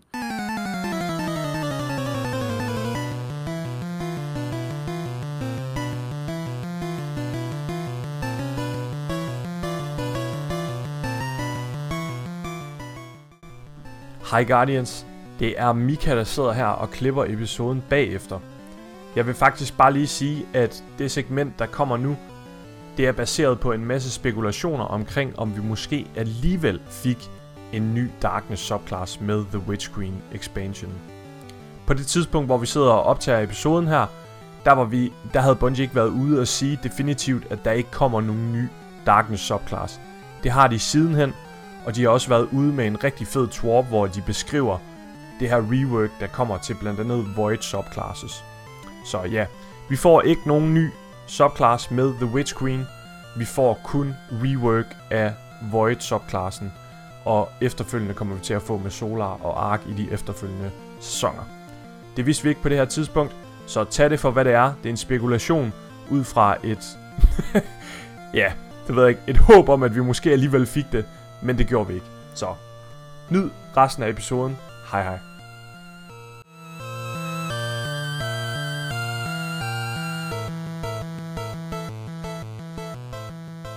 Og det er til synlædende kommer der ikke nogen ny subclass. Nej. Hvad synes du om altså? Jeg, når jeg sådan ser, når jeg, efter at have set alt det, vi får i Witch Queen, og i forhold til den timeframe, der har været mellem starten af Destiny, og hvornår vi så fik en ny, ny subclass, så er det forståeligt og ikke overraskende. Jeg tror, det er overraskende optimistisk af os at forvente oven på sådan det år, der har været med Stasis, øh, og forvente en ny subclass så tidligt. Mm. Øhm, så jeg er sådan, jeg, jeg, jeg, er ikke, jeg er faktisk ikke så skuffet, som jeg troede, jeg ville være. Nej. Jeg sidder heller ikke med en lige så stor skuffelse, som jeg på forhånd var meget bange for, at jeg ville have bagefter. Jeg synes stadigvæk, det er rigtig ærgerligt, der ikke kommer noget. Men der kommer jo light subclasses. Alle vores light subclasses, de får et rework, altså de bliver simpelthen øh, opdateret ligesom, så de kommer op på det niveau, hvor at stasis ligger lige nu. De får aspects og fragments, og de kommer til at være meget bedre fremadrettet. Altså det, mm. det bliver rigtig fedt. Men, Lasse, nu har vi lige ja, nu har vi lige snakket hurtigt omkring det her med, at der kommer nogle subclass, men jeg kunne faktisk rigtig godt tænke mig at snakke om ideen om, at der måske alligevel ligger skjult en subclass i den her expansion. Mm-hmm. Okay? Og der er ligesom et par punkter, jeg godt lige kunne tænke mig at tage dig igennem. For det første, jeg har ikke skrevet ned øh, alle sammen inde i øh, manuskriptet her, så hvis du bliver lidt forvirret, så derfor. Mit første punkt, det er faktisk, at Witch Queen i sig selv kan generere nok hype med bare alene med sit navn i forhold til den her expansion. I forhold til Beyond Light, som var en expansion, som nærmest udelukkende solgte på det her med, at nu har vi Darkness evner. Der var ikke rigtig nogen, der sådan tænkte, ja man, vi skal op og kæmpe mod Aramis, og ja, det var fedt at komme på Europa og så videre, men selling point for Beyond Light, det er dens titel, Beyond Light, Ja. at vi går ud over lyset, at vi træder ud af lyset og ud i skyggerne og begynder at kæmpe med mørke, eller at gøre brug af mørket, hedder det. Og det synes jeg bare, på, ikke på samme måde, at The Witch Queen har brug for, fordi jeg synes bare, navnet i sig selv, og de story-implikationer, der kommer med The Witch Queen, det genererer så sindssygt meget hype. Altså, jeg tror, folk er mere hype på Witch Queen, selvom der ikke er subclasses, mm-hmm. end folk var på Beyond Light. udelukkende på grund af den historie, og på grund af den antagonist, der er blevet bygget op igennem de mange sidste år i Destiny. For det andet, Savathun, hun stjæler vores light og laver Hive Guardians i den her expansion. Måske så bliver den eneste måde, at vi kan besejre Savathun på, det bliver ved at gøre brug af nogle darkness-kræfter, måske af nogle Hive-kræfter, for eksempel Soulfire eller Corruption. Måske kommer vi til at skal lave sådan en reverse på hende. Hun bruger vores evner, så bruger vi hendes. Og så punkt 3. The Witch Queen har utrolig meget med alkemi at gøre. Alkemi, det er jo den her øh, øh, tilgang eller teori, eller hvad skal man kalde det, videnskab om at kunne tage et hvilket som helst stof og ændre det til noget andet, eller typisk nok til guld, fordi det er jo det, man, man forskede i sådan i gamle dage, og troede, at man, man, kunne, man kunne lave et objekt om til guld, og så må man jo rig, ikke også? Correct me if I'm wrong. Jeg beklager, hvis der sidder nogle videnskabsnørder derude og sidder og grammes lige nu. Det er jeg virkelig ked af. Men Savathun og The Witch Queen baserer sig rigtig meget på alkemi. Og når jeg hører sådan noget som alkemi, så tænker jeg rigtig meget ny subclass. Jeg, jeg kan virkelig godt lide begrebet omkring alkemi. Jeg ved ikke, har du set den serie, der hedder The Full Metal Alchemist? Øh, nej. Okay. En mega fed øh, anime, som handler om, i den her verden, der, der er der ligesom folk, der sådan har evner for at kan lave alkemi. Og det, det er sådan lidt ala Avatar, The Last Airbender. Det har Okay. du set, ikke? Ja, ja. Hvor at man, så har man ligesom et eller andet område, man er god indenfor. For eksempel så er der en, der han, hovedkarakteren, han, han kan finde ud af at manipulere metal, fordi han sådan, han, han, ja, det er derfor, han hedder The Full Metal Alchemist, ikke? Så han kan manipulere metal. Jeg synes, det ville være mega fedt at få sådan en alkemi-subclass. Og grunden til, at jeg nu begynder at snakke om alkemi, det skal jeg nok lige uddybe, det er simpelthen fordi, at nogen de har fundet frem til, at når du står inde i Savathuns presence, altså nede foran hende, så laver hendes, den der halo, eller hvad man skal sige, altså den der, den der ting, der er ovenover hende, mm. den laver det, at, øh, hvad hedder det på dansk, the al- alchemical symbol. Det er en cirkel med en trekant indeni. Og det er altså alkemiens symbol. Det er ikke tilfældigt. Derudover, så har der været tilbage i februar, der var der, var der ligesom et uh, first look at øh, Witch Queen armor. Hunterens, den har nogle tal på sig. Og de her atomiske tal og vægte og sådan noget, det er præcis det, der matcher til uh, Mercury. Altså Merkur fra det periodiske... Uh, hvad hedder det? Periodisk system. System. Ja, table. Jeg ved... jeg prøver at oversætte fra engelsk. Det er Det periodiske bord. Øhm, ja. Og så Titan, tallene og symbolerne for salt, ja, salt, haha. Og Warlock har symbolerne og tallene for sulfur, sulfur, hedder det ikke det på dansk? Jo. Jo. Ja, altså jeg, er- jeg er virkelig dårlig til kemi og sådan noget, så det er, I skal virkelig ikke komme efter mig. Jeg synes, det er mega spændende det her, og jeg synes bare, der er så meget, der leder hen imod alkemi, og jeg kan ikke helt se, hvorfor alkemi, det fylder så meget. Altså, hvorfor er der så meget fokus på det? Hvorfor er der fokus på det allerede nu? Og jeg tænker bare, når du kigger tilbage på sidste år, i Season of Arrivals, mm. der fik vi en cutscene med Eris, som går op til den her statue af, af sådan the, the Darkness, ikke? Ja. Og, og vi vidste ikke tilbage dengang, der vidste vi ikke, at det var Stasis, hun rent faktisk begyndte at wield der. Men hun, hun wielder Stasis allerede der første gang. Jeg kan ikke undgå at tænke på, om det her måske er hints, der bliver lagt ud til, at vores næste subclass, det kommer til at være noget med alkemi. Det kommer til at være at manipulere øh, kemiske kræfter. Ja, jeg ved ikke, om jeg er ude på et kæmpe sidespor. Ja. Altså, det kan, det kan også være, men, men jeg kan bare ikke helt se connection mellem The Witch Queen og alkemi. Hvorfor det skal fylde så meget. Kan, har du nogen som helst tanker? Øh, fuck, Reddit er farligt. Det Meget er farligt. med farligt til at skabe hype. Jeg, t- altså, jeg kan forstå alt det, du siger, og når jeg sidder og kigger på det, så kan jeg godt forstå, hvorfor det, altså, hvorfor det hele ser så mystisk ud, men altså hvis det er, at vi, altså jeg kan simpelthen ikke, altså bare sådan logisk, kan jeg ikke se, hvordan de vil få øh, presset en, øh, en subclass ind i Witch Altså, fordi der er så meget content, mener du allerede? der er Eller så meget content, og de har haft Ja. et år Ja. til, at arbejde på en, til at arbejde på en ny subclass. Oven i det, de allerede har skulle tweake med stasis, og nu mm. introducerer de en, en ny, øh, nu tweaker de nye, sub- de gamle subclass, light subclasses hver sæson. Jeg kan simpelthen ikke se, hvordan de skulle gøre det oven i at tweake en ny subclass. Så jeg tror, jeg tror selvom det her, jeg tror simpelthen, jeg tror sagtens, der kan være noget i, at de, øh, at de foreshadower et eller andet, men jeg tror først, det bliver måske Lightfall eller The Last Shape. Ja, The Final Shape. The Final Shape. Det, det her, det er jo også bare spekulation. Jeg sidder ikke og siger, at Nej. der kommer en alkemi subclass. Jeg siger bare, jeg kan ikke helt se, hvorfor der er så meget, der hindrer mod det lige nu, synes jeg. Okay, lad os hoppe videre. Fremtiden i Disney. Lasse, hvad kommer der at ske i Disney i fremover? Vi fik, øh, hvad var det, vi fik ud på siden? Det var, øh, Joe, hvad, hvad det hedder, Joe, jeg kalder ham altid Jokeroff, fordi Joe det er det, han hedder på Twitter. Joe Blackburn, tak. Og øh, ham med skægget, ham den skaldede med skægget, som jeg aldrig kan huske, hvad hedder. Øh, som er den nye game, der, sådan, hvad hedder det? Er det ikke Director- Justin Truman? Jo, Eller tak. hvad? Justin Truman. Jo, nice. Øh, de begynder at snakke om, de snakker om vores, øh, deres nye, hvad hedder det, nye plan med nye roadmap i forhold til Dungeons og Raids, som er det her øh, virkelig, virkelig kvalitets endgame. Og der snakker de om, at vi i, øh, at vi nu fra december af, med den her 30th anniversary, begynder at få en ny dungeon hver tredje måned. Det er altså stort. Det er kæmpestort for, for, for Destiny's Endgame. Øh, hvor en af de, en af de raids, øh, en af de aktiviteter, bliver et øh, reprise Destiny 1 raid, som kommer til at være gratis for alle spillere.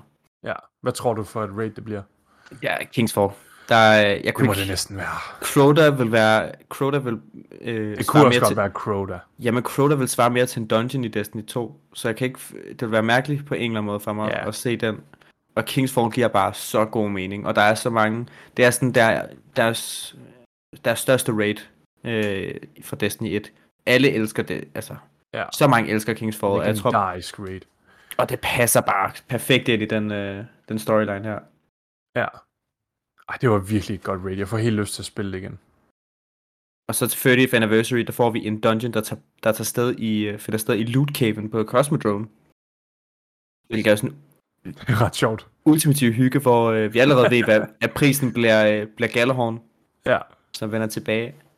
The Så øh, true loot. det er true loot. Så jeg er lidt spændt på at se, hvordan den har det i... Altså, altså, om det, altså det er sådan... Ja, det er et fedt våben, men det er også meget specielt på grund af, hvordan det var i Destiny 1 Vanilla. Så det er lidt, lidt spændende at se, hvordan den kommer til at have det i vores... Øh, Jeg håber, den bare er pisse OP, når den udkommer, og så må de nerf den efter en uge eller to. den skal bare buffes, altså fra Altså- nu af. Buff den. Ja. Ja, Hvordan, hvordan har du det med, med det her sådan, øh, den her rotation af sådan tre raid, eller et nyt dungeon øh, jeg synes, raid det er mega blandt- fedt. Altså, det, det er mega nice. Jeg har det lidt ambivalent med... Jeg har det lidt ambivalent nogle gange med, at Bungie, de sådan... Øh, altså, jeg synes, det er fint det der med, at de siger, at der kommer en expansion, og hvad den hedder. Mm. Men jeg har det sådan lidt underligt, det der med at vide, okay, der kommer en dungeon. Ja. Altså, fordi det, noget af det smukke ved, ved de tidligere, eller ved Shattered Throne, dengang den kom, det var, at det kom så meget ud af det blå. Og også ved The Whisper of Worm, jeg ved godt, det ikke er en dungeon, men det her, de her heroic missions, eller dungeons, som kommer ud af det blå, det er bare sådan, det- man husker det lidt mere. Det gør man altså. Jeg Og det- tror, jeg, Ja. tror, vi, jeg tror, Bungie skal virkelig, øh, virkelig være bedre til at bare indse, at de har os, altså, vi er, vi er alle sammen afhængige, altså sådan, we are locked in for life. Så sådan, jeg tror, de, kan, de skal virkelig bare være bedre til at holde igen, fordi det gjorde de ikke med, med Cage død, så nogle af de her store øjeblikke, skal de være virkelig, virkelig gode til. Jeg er helt enig med, altså noget af det specielle ved Zero Hour og Whisper og Presage, og sådan, det, er, det er jo det, der gør dem specielle, ikke? Det er, at de, øh, de bliver fundet organisk. Ja, lige præcis. Og jeg synes også, de er jo, det er jo bare fantastisk, den her oplevelse med, at altså, lige præcis, det er noget, vi føler, at vi finder som Guardians. Det er ikke noget, der bliver præsenteret for os. Jeg kan også huske dengang i Shadowkeep, at de sagde, der kommer Pit of Heresy, og vi så også noget footage fra den og sådan noget, mm. inden den overhovedet var udkommet, ikke også, i en trailer. Og det, det tager lidt fra den. Ja. Mm. Jeg vil dog så sige, alligevel så glæder jeg mig rigtig meget til, at det kommer. Og jeg synes ja. også, det er fint, det her med, at de siger, der kommer en dungeon, men så gider jeg heller ikke høre mere. Altså, Nej.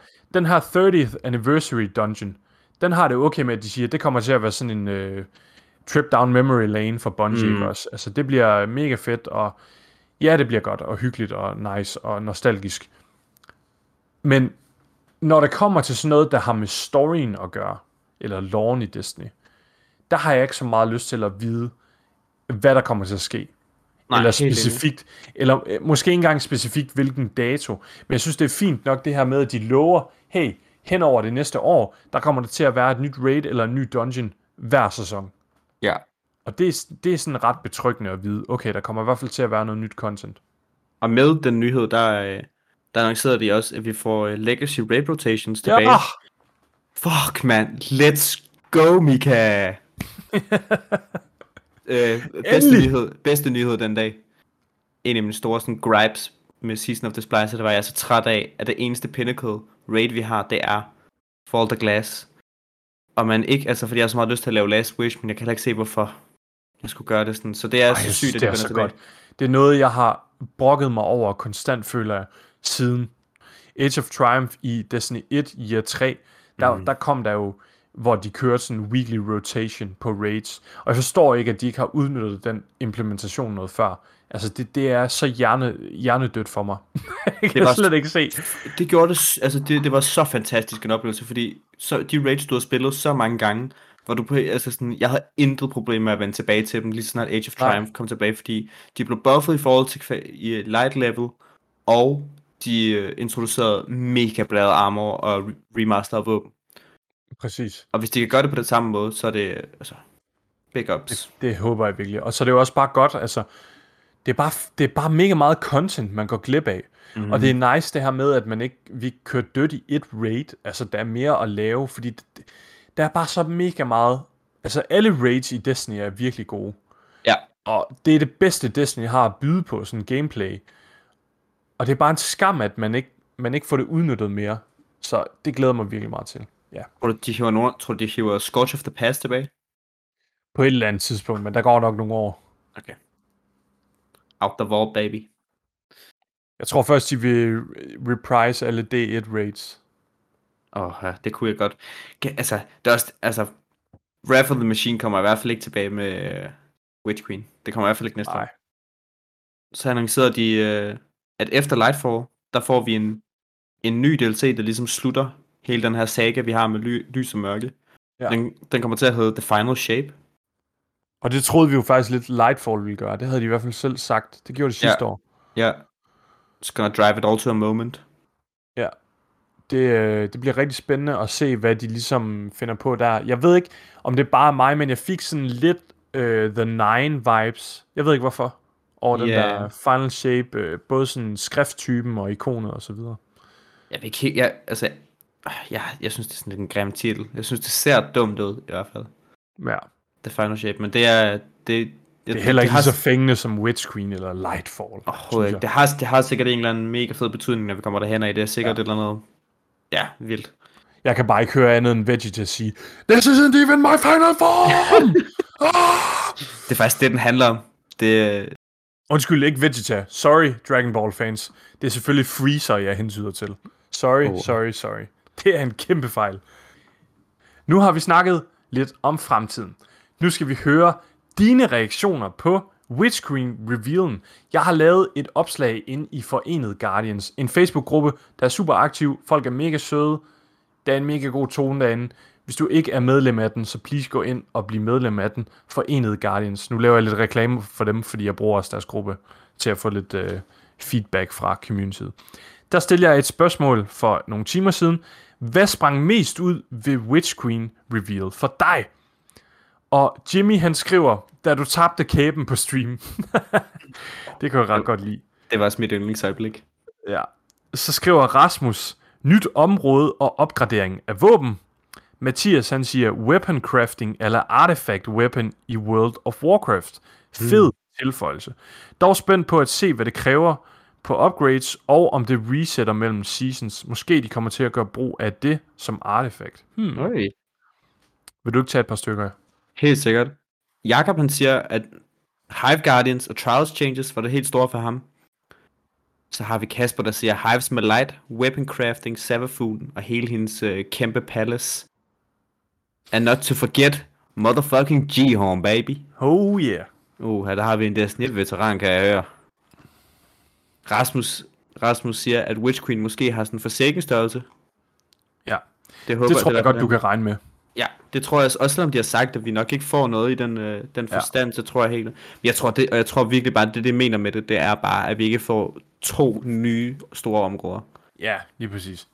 Jeg tror godt, vi kan forvente en historie, øh, og, og life, life of, eller sådan quality of life ændringer på samme Ja. måde, som vi gjorde med. Okay, når når jeg siger, at du godt kan forvente, så tror jeg også, du skal, så er det med hele pakken, du skal tage med ind. Fordi jeg tror også, Forsaken havde jo selvfølgelig også nogle nye super og, og mini subclasses, eller hvad man skal sige, det, eller det var jo nye subclasses. Det får, får vi umiddelbart ikke her med Witch Queen, så ja. Apropos det, så skriver Rasmus, ingen reveals af nye subclasses. Hmm. Og Tobias skriver til sidst, Hive med light power. Så jeg fornemmer rigtig meget, folk, det der er sprunget allermest ud for mennesker, i hvert fald i, i mange af de her kommentarer, det er det her med Hive Guardians. Mm. Altså det her, jeg synes, det er et mega fedt koncept. Fø- øh, det er en fed måde at håndtere nye, eller sådan, nye fjender på. Hvis man ja. står for en ny race, synes jeg, det er en syg måde at, at gøre det på. Det er et godt medium. Ja, Det er rigtig nice. Så fedt. Tusind tak, fordi I skrev nogle kommentarer der på Facebook-opslaget. Det var rigtig nice. Til sidst, eller faktisk, ja, vi skal snakke om, hvad der skete faktisk i starten af hele den her Witch Queen reveal. Op til showet begyndte, så ser vi Luke Smith og Jason Jones gå ind på scenen. Og hvis man ikke ved, hvem, man, de fleste ved, hvem Luke Smith han er. Han er franchise lead for Destiny, og Jason Jones, han er jeg kan ikke helt huske, om det er CCO, det hedder. han er, er skaberen, han er jo skaberen af Bungie. Ja, ja, lige præcis. Men hans sådan jobtitel lige nu, Ah. det er, øh, det er et eller andet med sådan chief øh, design lead, eller sådan et eller andet. At han står for sådan de helt store designbeslutninger. Ja, Jeg- Lasse jeg han er lige ved at google det, kan jeg høre. Men øh, de kommer i hvert fald ind, sætter sig, begynder at tage en snak på et kvarter eller sådan noget. Og lad mig bare sige, hvis I ikke har hørt det, jeg synes virkelig, I skal gå ind og lytte til, de snakker ikke sådan sindssygt meget om Destiny. De snakker lidt om Bungie, sådan, øh, altså hvordan han skabte Bungie, og hvad nogle af hans sådan, oplevelser igennem tiden har været, og hvad han forventer af fremtidens teknologi. Det er mega spændende, og det er virkelig podcast-worthy content.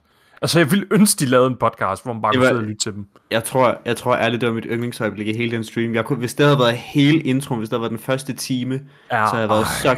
Jeg synes, det var så mega hyggeligt, og det var virkelig interessant at høre så stor en... Altså, Bungie har jo virkelig sådan innoveret på hele altså sådan, uh, gaming-landskabet, ikke? Ja, ja, Øh, med, med Halo. Så jeg hører ham snakke om, hvordan er sådan, øh, vi kommer til at skrotte mobiler om, om nogle år, og så går det, bliver det alt sammen bare ARG, ikke? Ja. Super interessant. Jeg glæder mig lidt til at finde ud af, om de har en finger i spillet, og hvad de har tænkt sig, og øh, hvad de forbereder Ja, ja. sig. Men, Jeg øh, sad også lidt og ventede på, okay, laver de et eller andet AR Destiny-spil Ja. nu, eller augmented reality. Ja. Super spændende. Fordi det Mega- snakker de meget om i, deri, hvis man, hvis man nu ikke så det. Så var der også i den her reveal stream, det- vi nævnte det også lige tidligere omkring den her Dungeon 30 Years Anniversary, der kommer. Bungie har jo 30 års jubilæum her til december, er det vist, og der kommer der også noget content til Destiny. Mm. Det kommer til at inkludere den her nye dungeon, som foregår i Loot Cave, hvor du får Galahorn, og så er der en masse, eller en masse, der er nogle våben og noget armor, der også kommer. Så der er noget content der, og det svarer jo nogenlunde til, nu har vi lige fået Season of the Lost, frem til december, der er cirka de der tre måneder der, og så øh, kan vi ligesom gå i gang med det, og så har vi lidt det at holde os kørende på indtil februar. Så efter december, altså efter, øh, når der har været det der juleevent i Destiny, så tror jeg, det begynder at blive ret tørt i Destiny. Er du gal? ja, hvis man Lige den, måned, lige den måned i øh, den her januar måned der, den bliver lidt, lidt hård. Det var det. Men nu tager vi altså en pause. Lasse, vil du ikke præsentere pausemusikken? Jo, jeg synes, vi skulle... Øh, jeg synes, vi skulle komme lidt op i gear igen, og høre en af de, nok en af de største klassikere fra Destiny 1's original soundtrack, det er Untold Legends.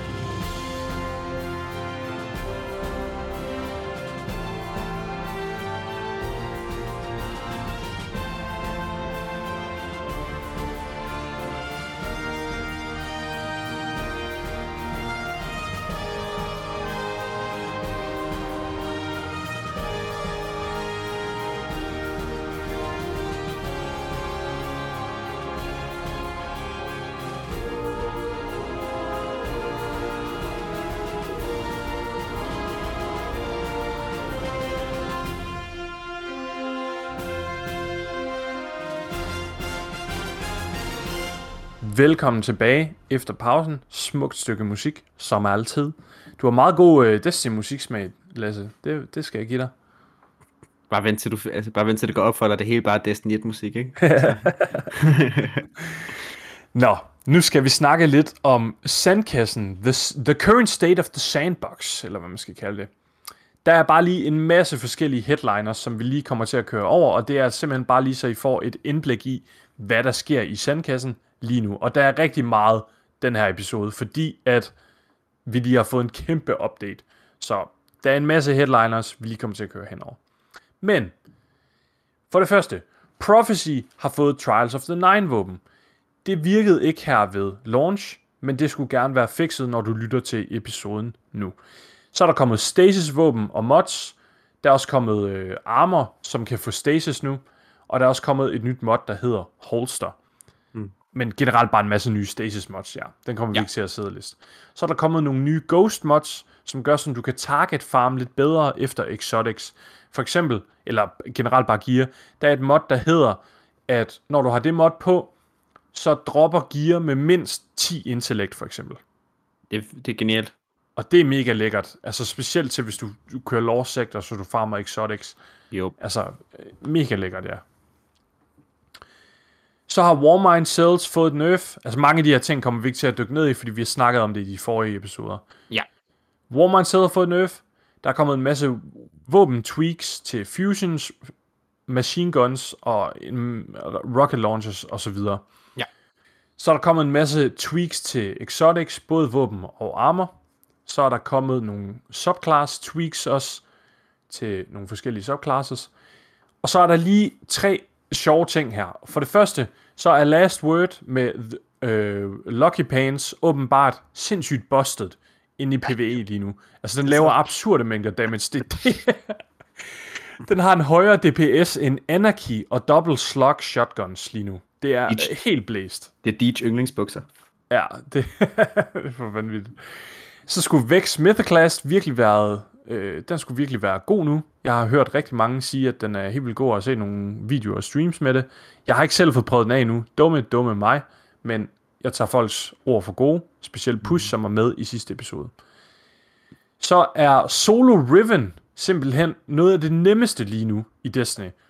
Fordi Mid-Tree Titan Sunbreaker har fået et buff på de der throwing hammers, og det er oveni, at Bungie har lavet den her ændring med, at du kan keybind dine charged melees til en anden knap end dit normale melee. Så du kan simpelthen bruge en double eller en one-two punch shotgun og stå helt op i hovedet af Rivens, eller ikke helt op i hovedet, det er så helt op i hendes klo, og skyde på den, og så kaste din hammer. Og det er simpelthen på tre kast eller sådan noget, så er Riven død. Altså det er Uh, fuldstændig latterligt.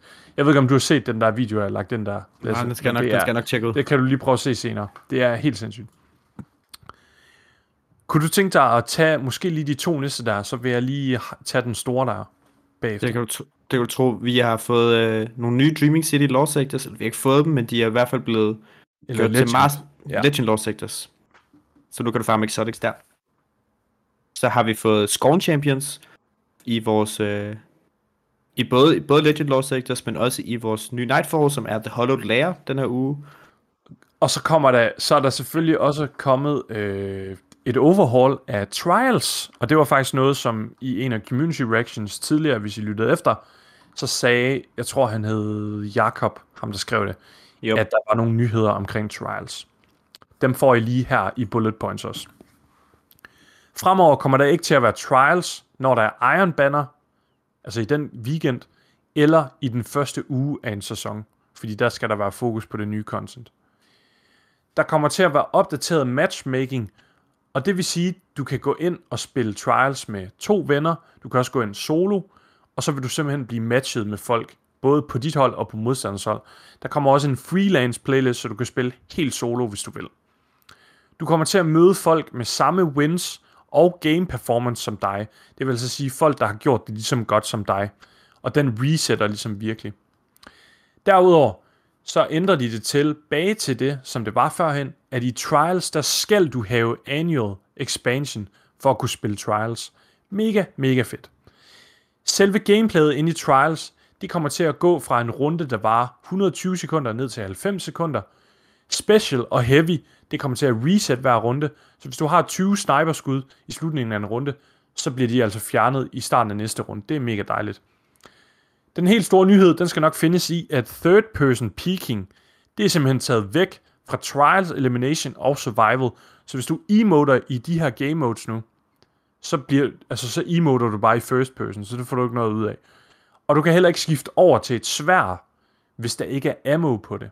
Så third person peeking, det skulle være helt væk nu. Det er fantastisk.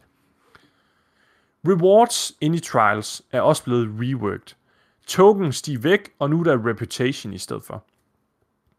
Du kommer til at få rewards alt efter en, øh, den her reputation, ikke også, som du optjener.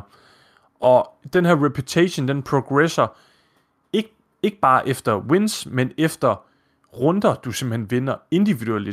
Så selv hvis du bliver stormet af et hold, så er du stadigvæk motiveret til, okay, måske vi lige kan nå at vinde en eller to runder, i stedet for bare at give op eller leave. Din passage, den kommer ikke til at tælle losses længere, men den kommer til at tælle op til 20 af de her individuelle runder, og giver rewards derefter. Og den her passage derudover, så kommer den til at være account-wide nu. Så du skal ikke ned og købe på hver enkelt karakter. Det, den tæller ligesom ud over det hele. Så kommer Trials også til at indeholde to pinnacle aktiviteter hver uge. Den ene, den hedder Vind 7 kampe, altså 7 hele kampe, og den anden, den hedder Vind 50 runder. Så kommer du til at kunne focus dit gear i Trials også, med den her reputation, du optjener. Det bliver mega nice også. Og til sidst, så kommer der til at være et nyt anti-cheat system. Og hvis man sidder som konsolspiller og tænker, hvad, men jeg har jo aldrig, folk hacker jo ikke på Playstation. Det er rigtigt, men nu er der lige kommet crossplay, så måske møder du det. Hvem ved? ja. Vil du tage os igennem de nye exotics, der er kommet den her sæson, Lasse? Yes. Der er vendt øh, tre Destiny 1 Exotics tilbage, som alle sammen lyser. Det er det eneste spændende. Ej, vi har fået, øh, vi har fået nogle, til Hunters har vi fået nogle nye legs, nogle nye Bane Armor, som giver et ekstra roll. Det hedder Radiant Dance Machines, og det Ja. ja. gør, at du nu kan efteraktivere dit første dodge ability. Når du er tæt på andre, øh, andre fjender, så får du simpelthen et ekstra. Et ekstra lille Ja, dodge. jeg forstår det næsten som om, at så kan man bare blive ved med at dodge i et lille stykke tid. Altså sådan, så er der bare unlimited. Er det sådan? Det kan godt være. Øh, Activating your nå ja. dodge ability while near targets allow you to dodge additional times for a Det short rigtigt. period. Så Sådan læser jeg det i hvert fald. så synes jeg, det lyder meget federe, fordi jeg mener jo allerede, at vi havde nogen, der gjorde det der, der gav os et Ja. ekstra dodge, så jeg var lidt forvirret, men det er fedt, nice. Ja. De er vendt tilbage. Så har vi fået no backup plans, no backup plans til uh, Titan, som er de nye arms. Ja, Når du de har, øh, ja, det kan være, du kan hjælpe der, men når du har fuld, fuld uh, melee energy, så, uh, så hver gang du laver et shotgun final blow, så aktiverer du det, der hedder defensive strike, som, uh, som, som tager hele din melee, uh, melee energi. Ja. Ja. Det, det, det er når du spiller top 3 uh, bubble, så har du, der hedder dit melee defensive strike, og det er når du dræber en fjende med dit melee, så får du sådan et overshield. Hvis du så bare dræber med en shotgun nu, så consumer du den der, mm. din melee charge, og så får overshieldet direkte. Så ret nice. Det er godt, jeg har en Titan main med mig her. Så har vi fået Nothing Manacles, som er nye gauntlets til, til Warlock, som giver dig en ekstra scatter grenade. Og de får også øh, projektilerne til Scattergrenade for nu øh, tracking, så de kan simpelthen øh, søge enemies. Ja, og det har jeg hørt skulle være bugged, så lad være med at bruge dem, hvis du allerede har fået dem. De, øh, og de kan selvfølgelig som altid optjenes inde i Legend og Master Lost Sectors. Jo. Vi har også fået en ny, ny linear fusion rifle, som er i season passet. Mm. Den er mega indviklet i, hvordan den fungerer, så det har jeg slet ikke lyst til at prøve at forklare. Det kan Men... jeg heller ikke. Så. Men jeg kan sige så meget, at den er fucking fed. Og hvis I skal lave Catalyst til den, så øh, lav Crucible, lav Crucible steppet, quest steppet i Catal til Catalysten. Så gå ind og gør det den her uge, hvor der er øh, momentum control. Den er... Øj! Øj, den er god. Det er ligesom at skære smør. Den er så dejlig. Det er nice. Vil du tage os igennem øh, de sidste øh, detaljer her, som er, det er ikke helt sandkasse, men de er alligevel lidt sandkasseagtige. Det, det er lidt ny sådan Call of Duty Fly ting. Vi har fået det, der hedder en Destiny Timeline, som, øh, som er ret, ret cool, der ligesom viser alle de, øh, de tidligere DLC'er og, øh, og historieøjeblikke. Øh, ret overfladisk, med en lille beskrivelse ud fra hver ud fra hver af de her DLC'er, som ligesom, hvis man er en ny spiller, kan gå ind og læse, okay, hvad der skete før, før vi er kommet til øh, Witch Queen, eller whatever, ikke? Udover det, har vi fået synth, eller kan synth, synth Strand. Det kan du købes for 10.000 glimmer. Og det er det, Bang. vi bruger til Transmog, de der bounties, ja. Lige præcis. Vanguard tokens, de er helt væk, så jeg håber, jeg har fået brugt dem alle sammen. Gå ind og følg os på Facebook. Vi hedder Det Sidste Ord. Det hjælper rigtig meget at følge os derinde. Og på et eller andet tidspunkt, der vil der også komme nogle øh, spørgsmål op ind fra Facebook-siden direkte, som man skal svare på. Øh, for ligesom at være en del af episoden her, hvor vi, vi, vi hører nogle community reactions. Mm. Så gå ind og like Facebook-siden. Det er bare det sidste ord. Søg på det, så kommer vi frem. Tusind tak, fordi du har lyttet med. Nu kommer der noget lækkert musik. Det skal jeg lige have besluttet mig for. Så øh, det ved jeg ikke lige nu, Lasse, hvad det bliver. Men øh, det må vi se. I må huske at gå ind og kommentere, hvis I synes, at jeg lyder crisp, så skriv i kommentarfeltet. Ja. Wow, hvor lyder Lasse mega lækker. det er faktisk nok den vigtigste feedback. Tusind tak, fordi I har lyttet. Kan I have det godt. Hej hej. Hej hej.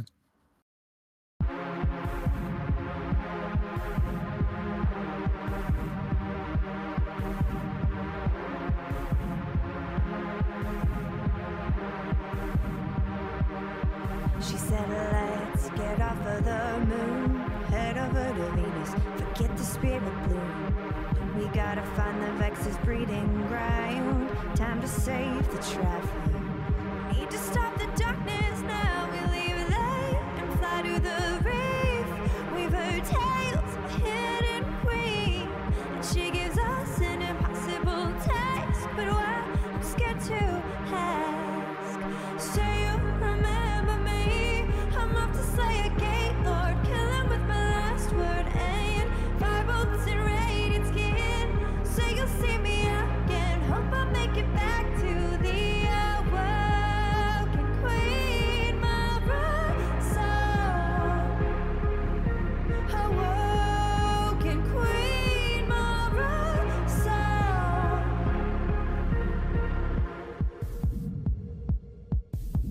the queen leads the house of wolves. She defeated their cat. Now over them shoes.